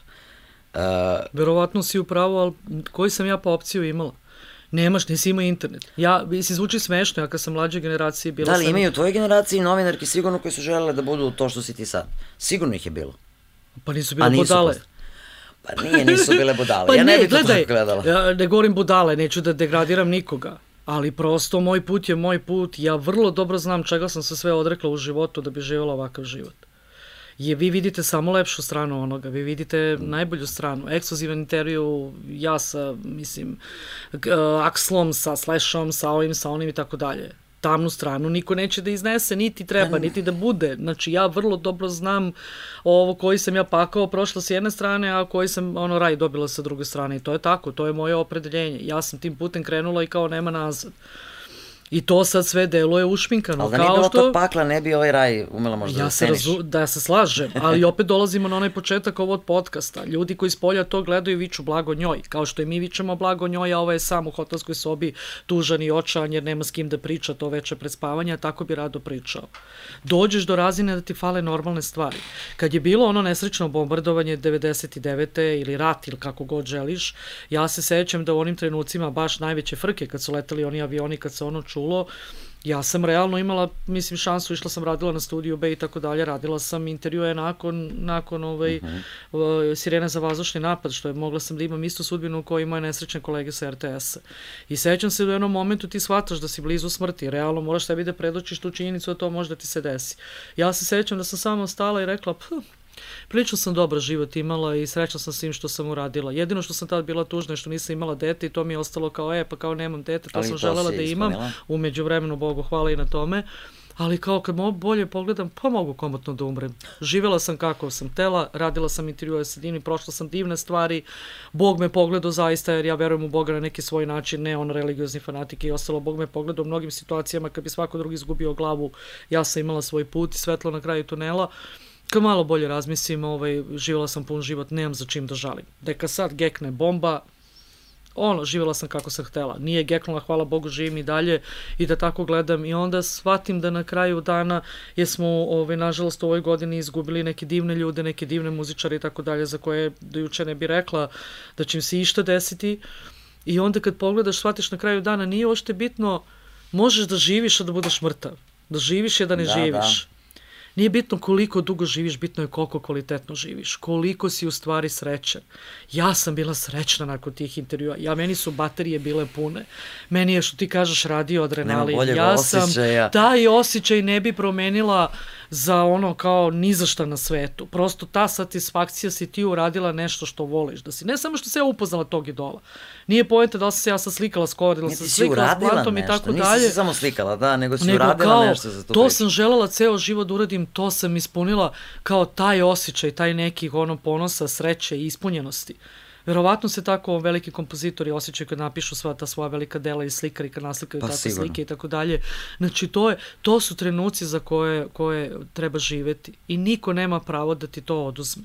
I zato sam uvek mrzela ljude koji su ono, dirale tuđe krugove. Ne dirajte moje krugove. Svako ima pravo na svoje krugove. Nemoj da dođeš, neko pravi, uvijek sam mrzala i Bog nek mi oprosti ono ljude, a Bog nek mi oprosti i decu. Kad neko ono briživo pravi kulu od peska i dođe ono dete i šutne. I onda gledaš ono nesrećnika koji to gradio pažljivo sa sinu lopaticama, ovaj, koficama i tim čudima i tako dalje. Kao, I zašto? I ti dođe neka, neka budala i sruši kao, zašto imaš želju, zašto diraš njegove krugove, zašto diraš njegovu, njegovu ili njenu kulu Pa čak ako ti se ne sviđa, stvarno, Zašto da. imaš potrebu da rušiš, live and let live, to je, ja, ja sam hipik u duši. Živi i pusti drugi da živu. Žive, ja živim kako ja želim, ne sudim nikome. Hoće budeš narodnjak, budi narodnjak. Ako hoće budeš gitarista, budi gitarista. Ako hoće da budeš prostitutka, budi prostitutka. Nikome ne zameram. Ko sam ja da nekome zameram? Ko Jasne. sam ja da nekome sudim uopšte? Uh, ja imam glupe situacije kad mi dođu ljudi koji su narodnjačke zvezde ili pop zvezde, pa mi krenu kao, ne zvezde, ali susretnem se neki put sa njima, pa krenu da mi se kao pravdaju. Nemaš potrebe mi se pravdaš, to je tvoj put, ovo je moj put. Ti si birao ili birala taj put, ja sam birala ovaj put. Ja možda to I neću da kao, da slušam i neću tako kao ti, ali... Ni po čemu ja nisam vrednija od tebe, ti si u svom ti si u svom d, uh, poslu najbolje ili najbolje ili ideš tu neku varijantu. Meni isto ljudi kažu, pa nemoguće da ne slušaš narodnjake. Ja ne slušam narodnjake. Moguće. Nisam im nikad slušala, a šta slušaš u kafani? Ne slušam u kafani. A šta su ti svirali na venčanju? Ništa mi nisu svirali na venčanju. Mislim, moj otac je molio da napravimo svečani ručak posle, da ispuštuje ljude i Pitor može da dovede tamburaše, da se vesele oni. Dovedite tamburaše, nek se veseli. Tamburaše su mi zadnja linija odbrane koja ću da dozvoli vama, da. da vi plešete na dalmatinski, da plešete na starogradske, to mi je okej. Okay. Dođeše tamburaši, mlada šta ti sviramo, nemoj ništa mi svirati. Gledaju me ljudi u šoku, pa nije red. Ja kažem, onda vi odaberite.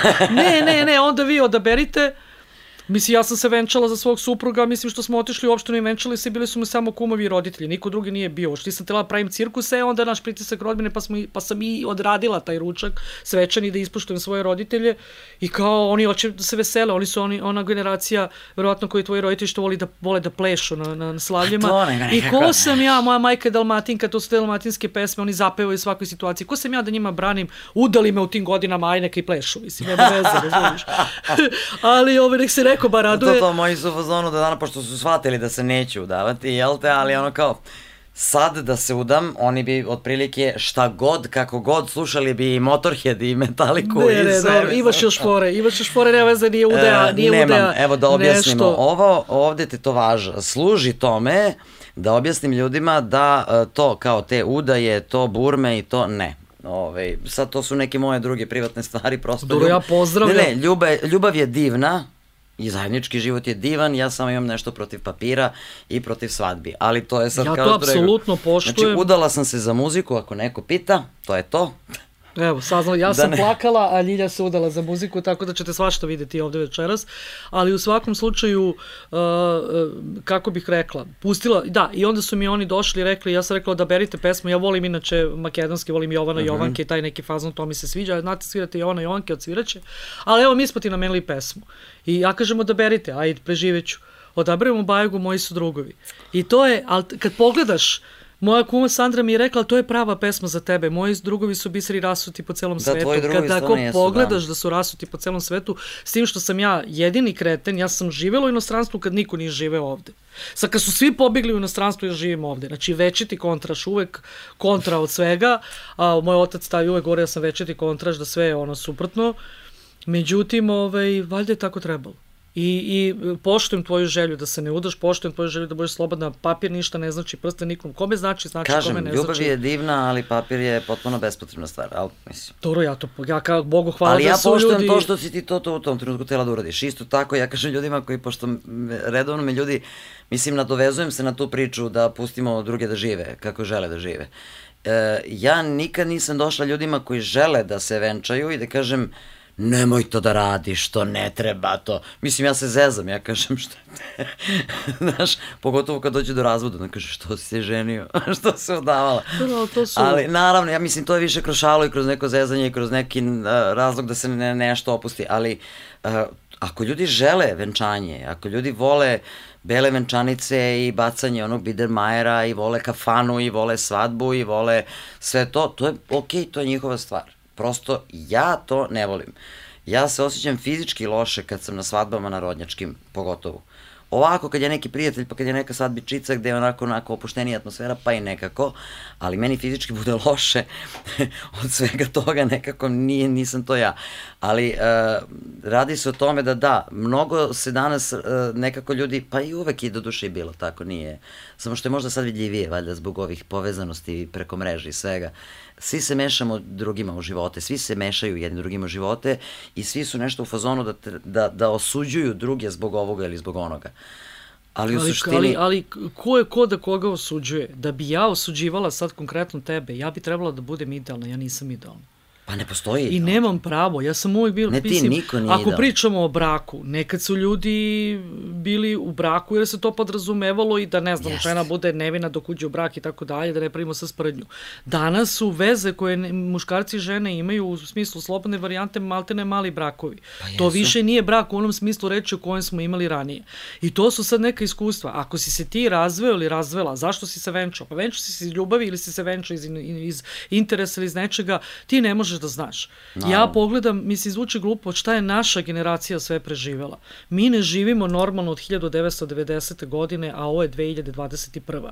Mi ne živimo u ovoj zemlji normalno 31 godinu. Da, ja znam šta sam ja sve sa svojim suprugom prošla za ovih 31 godinu. Od beda, ratova, sankcija, da ne bedačim sad ovaj divan muzički podcast sa tim ludilima, ili da ne vadi neko tamo, ali neće, nisam ja zanimljiva ko čutura ovaj, neke, neke priče iz mog konteksta. Izjavila Jadranka Janković u ovaj, podcastu. ali svašta, ono što živ čovek, kad se sad okrenem, što živ čovek stvarno ne bi preživeo. Neki moji prijatelji koji žive u Americi ili Engleskoj ili već gde, nikad, mislim kao Englezi, ne kao naši, nikad neće shvatiti koju smo mi tu Golgotu prošli I da li smo mi uopšte posle te 31 godine nenormalnog života normalni?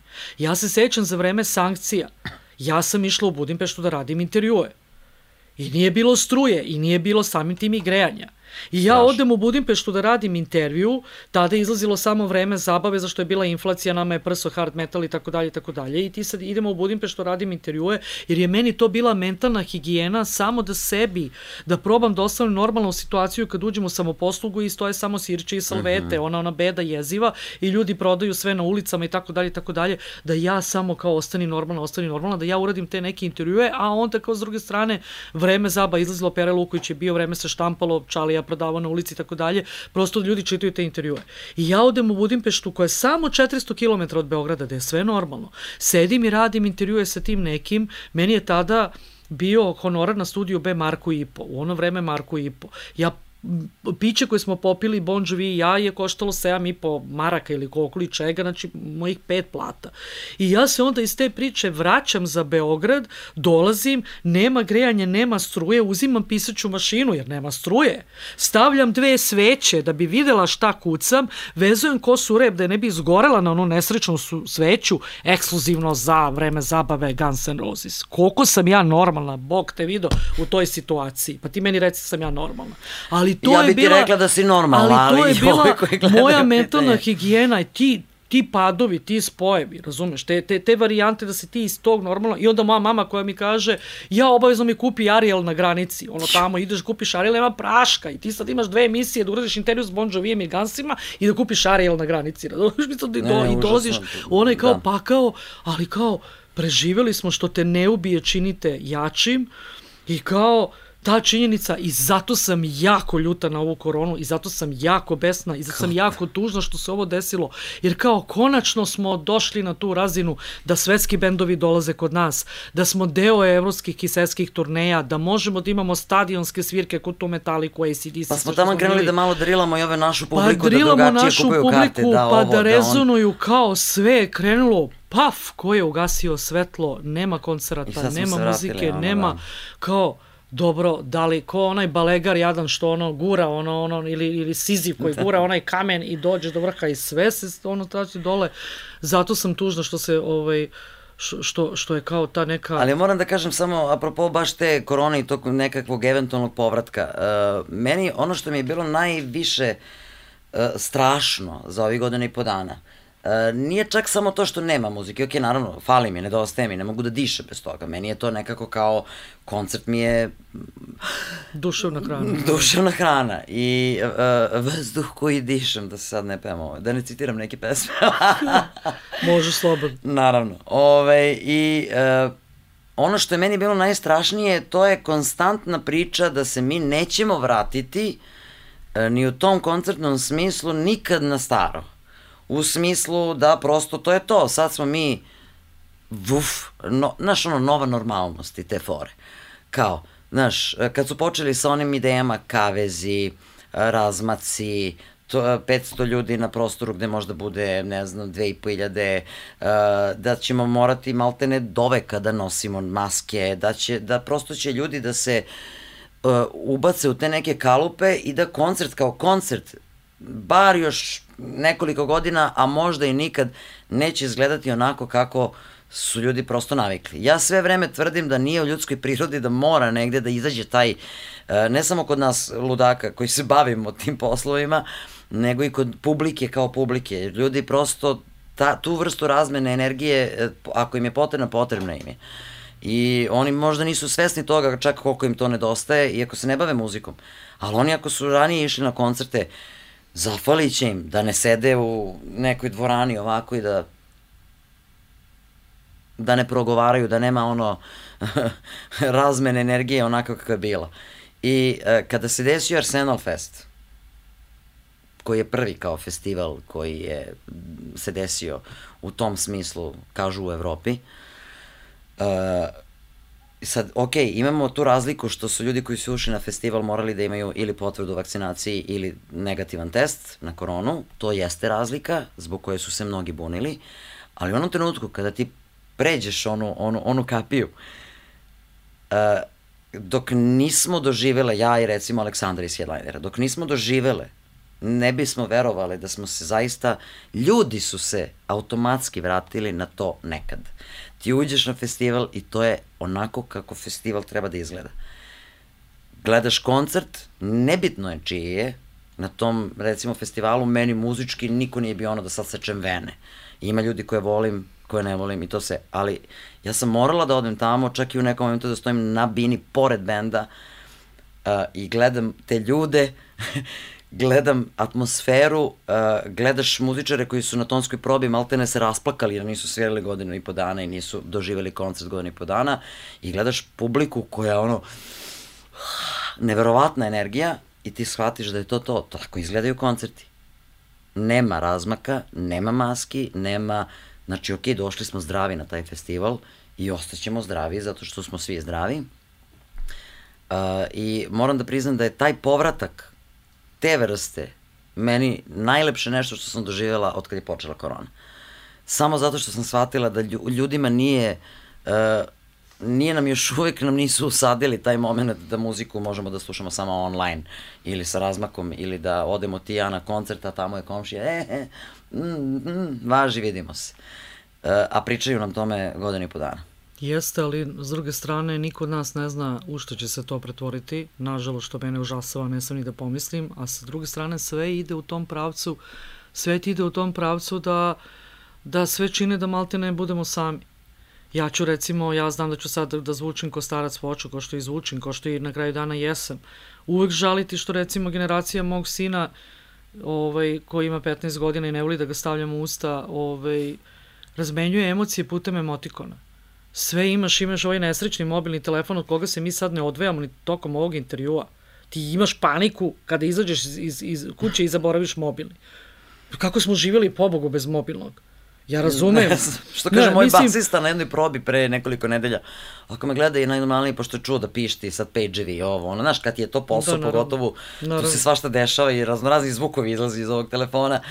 A onako stavi gleda me, a on je onako malo old school, iako je 77, nije ono neki matorac. Je li, ovaj, odlepiš ti nekad od tog telefona? Mislim, ti doći da ga baciš, rekao. pa, ali, e, razumeš, za sve postoji emotikon. Ja verujem Postoji. u taj neki, mi se zvuči glupo, ja znam da uh, Billy Sveitno mora mi je rekao da ako nas dvoje sad krenemo da pričamo o tome kako današnji klinci slušaju muziku na klik i kako mi ne volimo kompresovan zvuk koji je na ono MP4 i kako volimo vineta, to je dokaz da smo matori, to je činjenica. Čim kreneš da, da se žališ kako ova što generacija nova radi ništa ne volja, to je dokaz da si mator.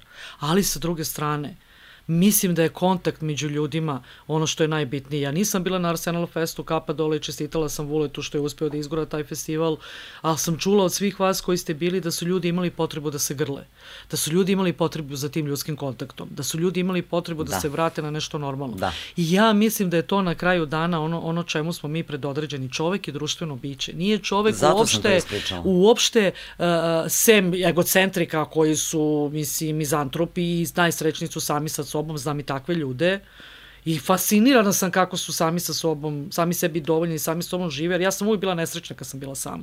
Ja moram da priznam, sam tražila da mi rode brata, do duše rodila mi, ovaj, rodi sestru, majka rodila mi brata, nema veze, zašto nisam želela da budem sama. Nisam se nikada dobro osjećala kad sam sama. U smislu, uh, ajde, da pričamo sad da li je to moj karakter ili nije. Uh, I onda jednostavno uh, upravo to, žalim što će generacija mog sina, on treba da gleda u tu devojčicu kad se zaljubi u nju, da po njenoj reakciji zna da li ona njega voli ili ne voli, da ustreptalost to kada ti reptilići rade. A ne po emotikonu i po razmeni varijanti po dajđestovanim pričama. Znači sve se svelo na to da smo mi izolacionisti. Hvala Bogu na novoj tehnologiji.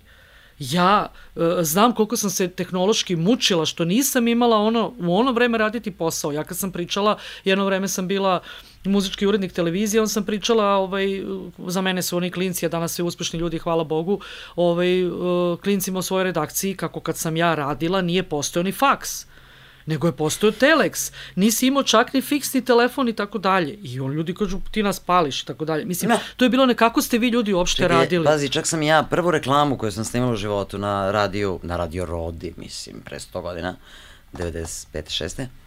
je bila na magnetofonu.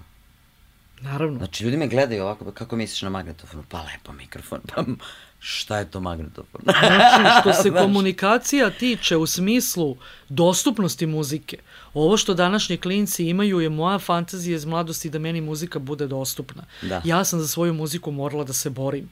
I verovatno zato ja dan danas tu imam idolopoklonstvo. Ja dan danas kad vidim vinil, ja ga zagrlim. Mm. Jer je to ploča, ploča je moj format, zato se vinil vraća kao, kao u život u toj nekoj varijanti. A, da sam imala dostupnost ko i oni, verovatno, verovatno bi i meni muzika bila danas na klik, kao što je njima da, na klik. Da, ja verujem da i pored tih emotikona i klika, Znaš, svi oni na kraju dođu do toga, ok, malo im je drugačija komunikacija, činjenica, malo drugačije slušaju muziku. Ali se na kraju krajeva sve svede opet na to, mislim, ja gledam, ja imam sestričinu koja ima 20 godina, skoro. Uh, ona je isto tako kao, i ona je odrasla uz kompjutere i klik i neke stvari ne kapira. Uh, objašnjavali smo i baš sad skoro uh, kako ona svojim klikovima i umiranjem od smeha na neku glupost nekog tamo uh, lika na nekom TikToku zapravo njemu čini jer će taj neki tamo lik u nekom momentu na, račun njenih ha, ha, glupost, ajmo dalje, da zaradi neka, neki novac. A kad ona dođe do toga da na svoj rad, kao buduća, ne znam, dizajnerka ili šta, zaradi novac, pa kad joj neko kaže, a ne, ne, dali smo ovom kretenu sa TikToka, e, da će tek onda da shvati ono što mi kapiramo, razumeš, da e, tu vrstu površnosti. Ona to, te neke stvari, na primjer, ne kapira, ali ona je došla na Arsenal Jeste slušala neke druge bendove, neke čak i iste kao i ja, koje volim, uh, ne zbog mene, nego prosto žena to sve, i drugačija je muzika i drugačije je sve, ali njoj treba to, treba joj to, ona, ona shvata da, da je koncert ipak koncert, a ne bavi se muzikom. Uh, mislim da negde, koliko god ti mladi ljudi bili uh, drugačiji, činjenica, uh, dođe se do toga ipak da je to što si malo pre rekla, to je ljudskoj prirodi da budemo ljudi, da, im, da, da se dodirnemo, da, da se vidimo, da, da negde e, nema bez odira ništa. Znaš, što, što, kao... Nama, ali pitanje njima. Njihova generacija se umreži. Još uvek im treba. Njima se, njihova generacija se um, umreži i oni, oni igraju zajedno, njih petorica recimo igricu i komuniciraju. Oni sebe smatraju prijateljima, ako se nikada možda nisu videli u stvarnom životu. To je ta neka nova normalnost, zato novoj generaciji ne pada teško to odsustvo, ta socijalizacija koja, pada im, koja, pada im. koja, koja pade nekoj našoj generaciji. Međutim, možda nama druge... drugačije, ali pada im teško. Pa dobro, da, ali, ali kao... Skupili su kraja... se i oni po parkovima, klinci. Ne, ja razumem, ja razumem i to pozdravljam, ali na kraju a, a, a, nije poenta da ti budeš zamandaljen u kući, pun strahova, odvojen od drugih ljudi, pun paranoja i, i, i mislim, bez, bez normalnog načina života to nije poenta, to nije sloboda. I to je moja najgora nije. noćna mora koja nam se kao desila. S druge strane, ja ne smem da budem nezahvalna. Živa sam, zdrava sam. Nisam izgubila srećom da kucam u drvo. Jesam par bliskih ljudi i prijatelja, ali ne baš ono, nekih najbližih. Najbližih, da. I hvala Bogu, ne smem da zanovetam sada, jer kao došli smo do toga da budeš srećan što si živ i zdrav na kraju dana što su babe uvek govorile, samo smo živi i zdravi. Na kraju smo opet došli babe na to babe, da, da to babsko samo da smo živi i zdravi ali sa druge strane, uh, opet, da li će muzička industrija krenuti u tom pravcu? I da li ćemo se mi vratiti na staro, to niko ne zna jer ni, ni strani muzičari, ni strani menadžeri, e, ni jedno osiguravajuće društvo trenutno neće da osigura ni jednu turneju, ni jednog benda, zašto im niko ne može garantovati šta će biti. Ili da idemo prostim primerom, ako jedan sve, svetski bend, strani bend krene na evropsku turneju, Neka je to pet teritorija. Ko će da vadi PCR-ove i testove i ostalo? Ili nek se ne do bog jedan član benda ili daleko bila član ekipe razboli od korone. Šta će njih 14, da bude, 14 dana će se biti u karantinu. To je problem fizičke varijante, da, da ti jest. sad ne možeš da organizuješ turneju i pored najbolje volje čak i da imaš tu neku volju jer nemaš logistiku da te podrži na načina koje je podržano ranije. Jer ne možeš da znaš, niko ne, kako, ako mi ne znamo kako se zaražavamo, mi možemo samo da pretpostavimo onda ne znaš ti kako ćeš se zaraziš. Oni su napravili eksperimentalne koncerte u Španiji, to da se dokaže da se na koncertima nije zarazilo više ljudi nego što se možda zarazi u školi, na poslu ili u prevozu i tako dalje. Ali niko sa sigurnoću ne zna ništa. I onda je kao najlakše to zabraniti ili zatvoriti. Nije koncert u svo dužno poštovanje ljudima koji su to odradili. Meni nije koncert da nas 500 sedi u sali za 1300 sa maskama, sa razmacima dva, dva sedišta po dva sedišta, kao to da smo koncert, da. na kongresu, kao da smo na operi. To nije koncert. Koncert je kad ti staneš, treba da završamo ne, ne, ne, ne, ne. Koncert je kad ti treba staneš ispred bine, koncert je kad treba da osjetiš energiju, koncert Jeste. je razmena energije tebe i tvog fana koji stoji dole. Kad tebe publika izvuče, što si pričala malo pre, pre dok su ovi borgijeli, dok nismo uključili mikrofone, kada ti svo ono nesrećno putovanje ludila ha peripetije dovedu da se pitaš da li ti je pukao glas, da li ćeš imati snage, nisi spavla, nisi jela ludilo i onda ti ta publika u, ono, ubrizga taj adrenalin i tim Sabine vratiš verovatno jedno od najboljih izdanja sebe, što si rekla, nego u neke odličnim situacijama kad si samo laganini se probudila i došla na koncert u Beogradu gde je sve bilo fajn. To su ti trenuci za koje treba da živimo i to je ta razmena energije. Šta znači bend koji izađe na binu i koga niko ne sluša? Gledala sam ja i koncerte gde bendovi nisu uspeli da uspostave kontakt sa publikom, gde je publika Naravno, bila hladna da. ili gde je publika bila surova. Ja nikad neću zaboraviti koncert Peppersa u Pešti na MTK stadionu, gde su ljudi pokidali, a mađarska publika ih je gledala, ja ne znam ti opiše bez ičega. Ono malo ljudi što je skakalo, ne vređam ove Mađare da mi neko ne izvuđe iz kontesta, nego je koncert bio u Budimpešti, ono malo ljudi što je skakalo su bili naši, jer smo mi autobusima išli tada u Budimpeštu kad su bile sankcije da gledamo koncert. Dok nisu došli kod nas i napravili onako koncert. Da ne zalazimo. Ali oni su vozili, vozili, vozili, vozili, vozili i kad je Anthony Kitis video da nema feedbacka, završio koncert i čao. Shvatio je čovek da nema ko da ga prati. Ja sam bila u šoku. Kako možeš da ostaneš Mirana Peperse? Kako možeš da ne skačeš u zone aranžmane? Kako može noga da ti ne krene sama na giveaway? Mislim da ono kao terate ritam, ono razumeš da kreneš. Pa čak i da ne znaš pesme, da. Pa čak i da ne znaš pesme. Vidiš da može. Sve može. Imaš i takvu publiku. Naša publika, to su mi svi strani muzičari rekli koji su svirali ovde ja sam duboko ponosna na to. Naša publika je jedna najzahvalnijih publika prati bend, hoće bude bend. Onaj nesrećni koncert Amy Winehouse, meni žao što moram da ga se dotaknem. Ja mislim da bi neka druga razmaženija zapanjačka publika srušila onaj Kalemegdan. Da, kad ona nije mogla ka, kad ona nije mogla da peva i kad se desilo ono ono nesrećno zlo koje se desilo. Ja bi kaznila doživotnom robijom sve ljude koji su nju u onom stanju pustili se popne na binu. Iz njenog, iz njenog bliže, za, da. iz njenog bliže okruženja. Ali naša publika je čak i u tom celom ludilu shvatila koliki je taj bol. Ta čuvena fotografija Rašina koja, koja je dobila nagrade Brianova, gde se vidi koja je sažela svu, svu težinu tog trenutka koji je bio i, i, i da Beograd bude njen poslednji koncert koji je uradila karijeri, to je ta neka karma. Naša publika je čak i to stoički izdržala To je bio jedan od redkih koncerata, možda jedini u životu s kojeg sam ja izašla i više nisam mogla da gledam. Ja sam izašla, to ne gledam, nisam mogla da podnesem ono što sam videla na video bimovima, što sam videla na bini. Bukvalno sam izašla napolje da, da, ne, da ne gledam to mučenje. Da. Rekla sam, svoj, kao. rekla sam svoj kumi, ti ako hoćeš ostani, ja moram da idem, ja ne mogu ovo više da idem, jer ovo je sve ono što ja ne želim da vidim, ovo je moja noćna mora. Ali naša publika je čak i to ishendlovala. Znači, mi smo jedna od najzahvalnijih publika i to mi svi, me, svi menadžeri i svi bendovi potvrđuju. Meni su Englezi impresionirali kad sam u Englesku gledala koncerte kako su, kako su ove, imaju sluha i melodični, kako pevaju savršeno ponove. Queen, Freddie Mercury je jedan na jedan čoveče božji. Najzahtevnije varijante kad se on, on zeza pa diže, oni pevaju u istom momentu. Naša publika je bog, hvala, hvalim te Bože, sve muzikalnija i prati te bendove, što je super. I mislim da je zato to, to dobro, ono je sam radila i te koncerte ovde, znaš i sama, ako si bila na Metalici, Metalica je svirala pesmu koju nikad nije svirala ranije, kad je prepoznala onu energiju onih ljudi na Partizanovom stadionu, meni James Hetfield rekao da se on naježio od ljudi. I to, kad se ti naježiš, naša publika je uspela da naježi bendove koji na ne, nekim drugim varijantama i teritorijama nisu mogli to da izvedu. I to je, i e, te trenuci kad se ti naježiš, se Ben naježi, ta razvena energije, ništa to ne može tebi da nadokradi. Ni jedno preslušavanje albuma, ni najsavršenija moguća produkcija. Ne može. Ni ne, ne može, znam šta ništa. da uradiš.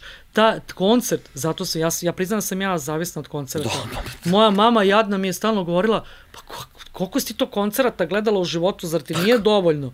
Kao je, pa gledala si. S tim što imam pravilo, ali ovaj, neću, preterali smo s pričom, ja sam preterala, i imam pravilo koje možda nećete razumeti, to me ljudi pitaju, da, ovaj, da redko volim da gledam bendove, ako sam ih gledala u, na, u vreme najveće popularnosti, ako posle budu sa nekim uh, posljednjim turnejama, oproštenim turnejama, bez pevača, vamo, namo, ne. Ja onda taktički ne odem na taj koncert jer neću sebi da kvarim onu sliku koju sam imala. Ja sam Guns N' Roses gledala u vreme njihove najveće slave. Bukvalno, u originalnoj posti sa Stevenom Adlerom na bubnjevima, kad su Imala bili mladi, kad sreću, su bili da. lepi, imala tu sreću. Neću da kvarim to da gledam sa bypass Gunsima. U svo dužno poštovanje Akslu i, i Slashu ne želim da odem jer ću porediti. Neumitno ću da poredim jer sam prokleta. Jer ljudi su prokleti pa porede. Jesu, jesu. Poredit ću, pa ću biti razočarana, pa neću uspjeti, poredit ću čim izađu na binu, jer ću čekati da izađe ona petorka na koju sam navikla. I to onda neće biti to. I zato imam to neko nepisano pravilo kad kreću te revival, posljednje opa, a sem ako ih ne radim, ako ih radim, onda moram da, da gledam, ali onako kad radiš koncert što znaš organizaciji, ti najmanje gledaš band. Mislim, Pa, da. baviš se svim ostalim i nemaš više onu slobodu. Nekada čak patim što nisam ona klinka, kad sam kupovala kartu, lepo stanem u publiku i na miru uživam, nemaš, niti ko, ni da si napravio fotku, ni da si poslala Da, da, izveštaj, ima i toga. ni ovo i ono, naš, ta sreća. Samo Ali volim ja i tu dinamiku baš iza bine. Nekako Naravno, prestala sam da čujem. budem publika na koncertima. Mislim, volim ja neke bendove, odslušam i kao wow. Znaš, kad smo pomenuli tu Bad Heart, ja sam prvi put samo, ono, uradila sam intervju, pa sam onda otišla na koncert da gledam. I doživela da žena odsvira Soul Shine zbog, zbog mene.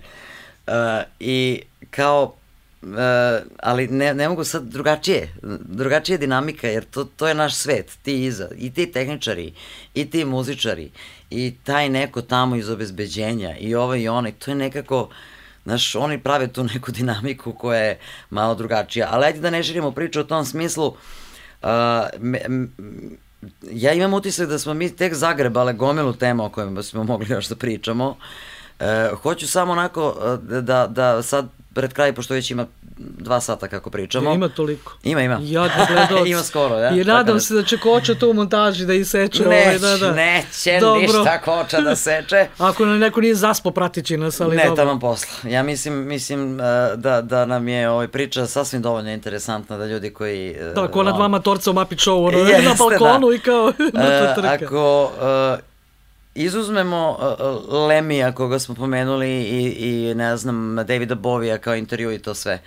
Uh, ko je, na koji intervju si pored toga najponosnija i na koje poznanstvo uh, i na, i na koju, koji odnos sa, sa nekim, a uh, da li ti je ostalo nešto što osim da, da čuješ cepeline onakve kakve su bili, uh, da, da, ti je ostalo da kažeš e, ovog nisam kao upoznala ili ga intervjuisala. Jer ja opet ću da se vratim na, na jedno, jedan komentar naše ovaj, zajedničke drugarice koja kaže e, nešto sam se čula s Jadrankom i ona mi rekla, e, ne mogu sad, zovem te posle, pričam s Metalikom. Mislim, s nekim iz Metalike. I ona kaže, ja sam doživela da neko koga ja poznajem, kaže, evo pričam sa... Mislim, nama je to sve jako uh, velika stvar. A uh, tebi su neki od tih ljudi prijatelji. Pa ne možeš da kažeš u klasičnom u klasičnoj varijanti da su prijatelji, jesu kolemi, pa da, ne jesu... vidite se na kafama jer ne, ne, niste naravno, dali. jesu ko bili s More koji često dolazi sad uvozi rakiju i tako dalje sa nekim stvarno, imam to neko prijateljstvo u tom smislu. Uh, slušaj, uvek ima nešto što nećeš, ni, ni, ja, ja, žao mi je, volela bi da sam intervjuisala Madonu, Volela bi da sam intervjuisala Prinsa, volela bi da sam intervjuisala Brusa Springsteena, volela bi da sam intervjuisala Stonesa. A nisi Brusa Springsteena još intervjuisala? Pa ne. će sredimo nešto. da, da, ovaj, uh, znači, volela bi da sam te gigante mogla da intervjuišem. Ja jako poštujem te niko, njihove karijere i znam da oni ne daju intervjue. Volela bi da mi je život mogao i sudbina da, da samo dodeli tu varijantu da ukrstim ono kao sa, sa njima reči, ono taj intervju. I nikad neću uraditi, to je meni jasno. Jednostavno se pomiriš, neke stvari trebaju da ostanu nedodirljive, tako da mi je žao što ovaj, gledala sam ih uživo, Bogu hvala sve, tako da što se tiče koncertnih stvari, tu, tu sam namirena. Ali što se tiče intervjua, nažalost ne. Međutim, ovaj, a na što sam najponosnija, sada to sad ne bude kao, znaš, ona varijanta kao svi intervjui su moja deca. Ja sam ponosna na svaki svoj intervju. Ne mogu da odvojim neki, rekla sam ovih par što sam pomenula, uh, bila sam jako ponosna na intervju, ono, jedan dan života, to sam pričala više puta i dosadna sam, jedan dan života kako sam zamišljala, to je kad je John Bon Jovi na Milton Keynesu faktički odabrao ovaj, Brana Rašića i mene da jedini kao dobijemo tada intervju. I to je ono, kako sam ja zamišljala da bude jedan dan idealan mog života, to je tako bilo. Znači, oni su po nas poslali limuzinu, Brian zna o čemu pričam, mi smo radili zajedno, i njima su specijalni gosti bili Europe Skid Row i Vixen, tada u tom Milton Keynes Bowlu, bolje kao činija, to je jedan divan prostor. Da, da. I mislim, apsolutno su nam bili na raspolaganju svi članovi benda za slikanje i za intervjue, to je za slučao, kad ja ljubim Bon Jovija, pa su me, Johna Bon Jovija, pa su me sve klinke mrzele, jer je to tražio moj tadašnji urednik, pa je on objavio da se oženio pa bio pakao sa Doroteom. Pa su nam onda rekli koji bi set listu voleli da na oni naprave na probi, da sviraju za nas. Pa su nas provozali onim helikopterom svojim čuvanim da mi vidimo kako to kadar izgleda. Ja sam mislila da ću da umrem. I bila sam u fazonu. Nisam u životu zaista zaradila materijalno ništa, niti me to nekako zanimalo. Nisam zaradila kola, nisam zaradila stan, nisam bogata osoba. Čak sam i u ovim godinama dekintirana što je porazno, ali ono kao ako, ako je taj jedan dan bio nadoknada za sve ono što sam ja ulagala krvo u svoj posao, recimo, da li taj dan ti je neko priredio, taj, taj tretman od početka do kraja, na kraju su ono nas izvukli Brana i mene na binu, da budemo na bini, ja sam tad već mislila da ću da umrem, da budemo iza na bini i tako dalje sa njima. Ko, to je to. To je to kao gotovo, nemaš srce će ti pući od, od miline što kažu, ali ovaj, onda je to to. A što se tiče intervjua, zaista uh, kažem, eto, kao, de, dešava, nisam moju sreću radila intervjue sa ljudima čiju muziku ne slušam i ne volim. Pa onda ne, patim te, ne pamtim te neke intervjue kao loše ili, ili da ih se stidim i tako dalje. Mislim, uh, recimo, Joe Satriani je fantastičan čovek, ja ga obožavam, ali užasno težak za intervju. On bi ti sve odsvirao na gitari. I sad kad ti sedneš da radiš ono što si ti rekla, uključi se ono svetlo, on do tada priča s tobom normalno, tak, blokada, nema ništa. Jesi to ono s tim? Da, jesam pa onda ti na, odsvirao bi, ali onda ti shvatiš da je čovek takav. Na kraju dana ne možeš da bude svako i najbolji gitarista i najbolji intervjuima. Ne leži to svakom. Ne može svako ko ti i ja ovako da priča dva sata i da ne. vazduh ne udahne. Kočo, izvini, preživeo si sa nama. ovaj, ne vidite ga iza, iza kamere.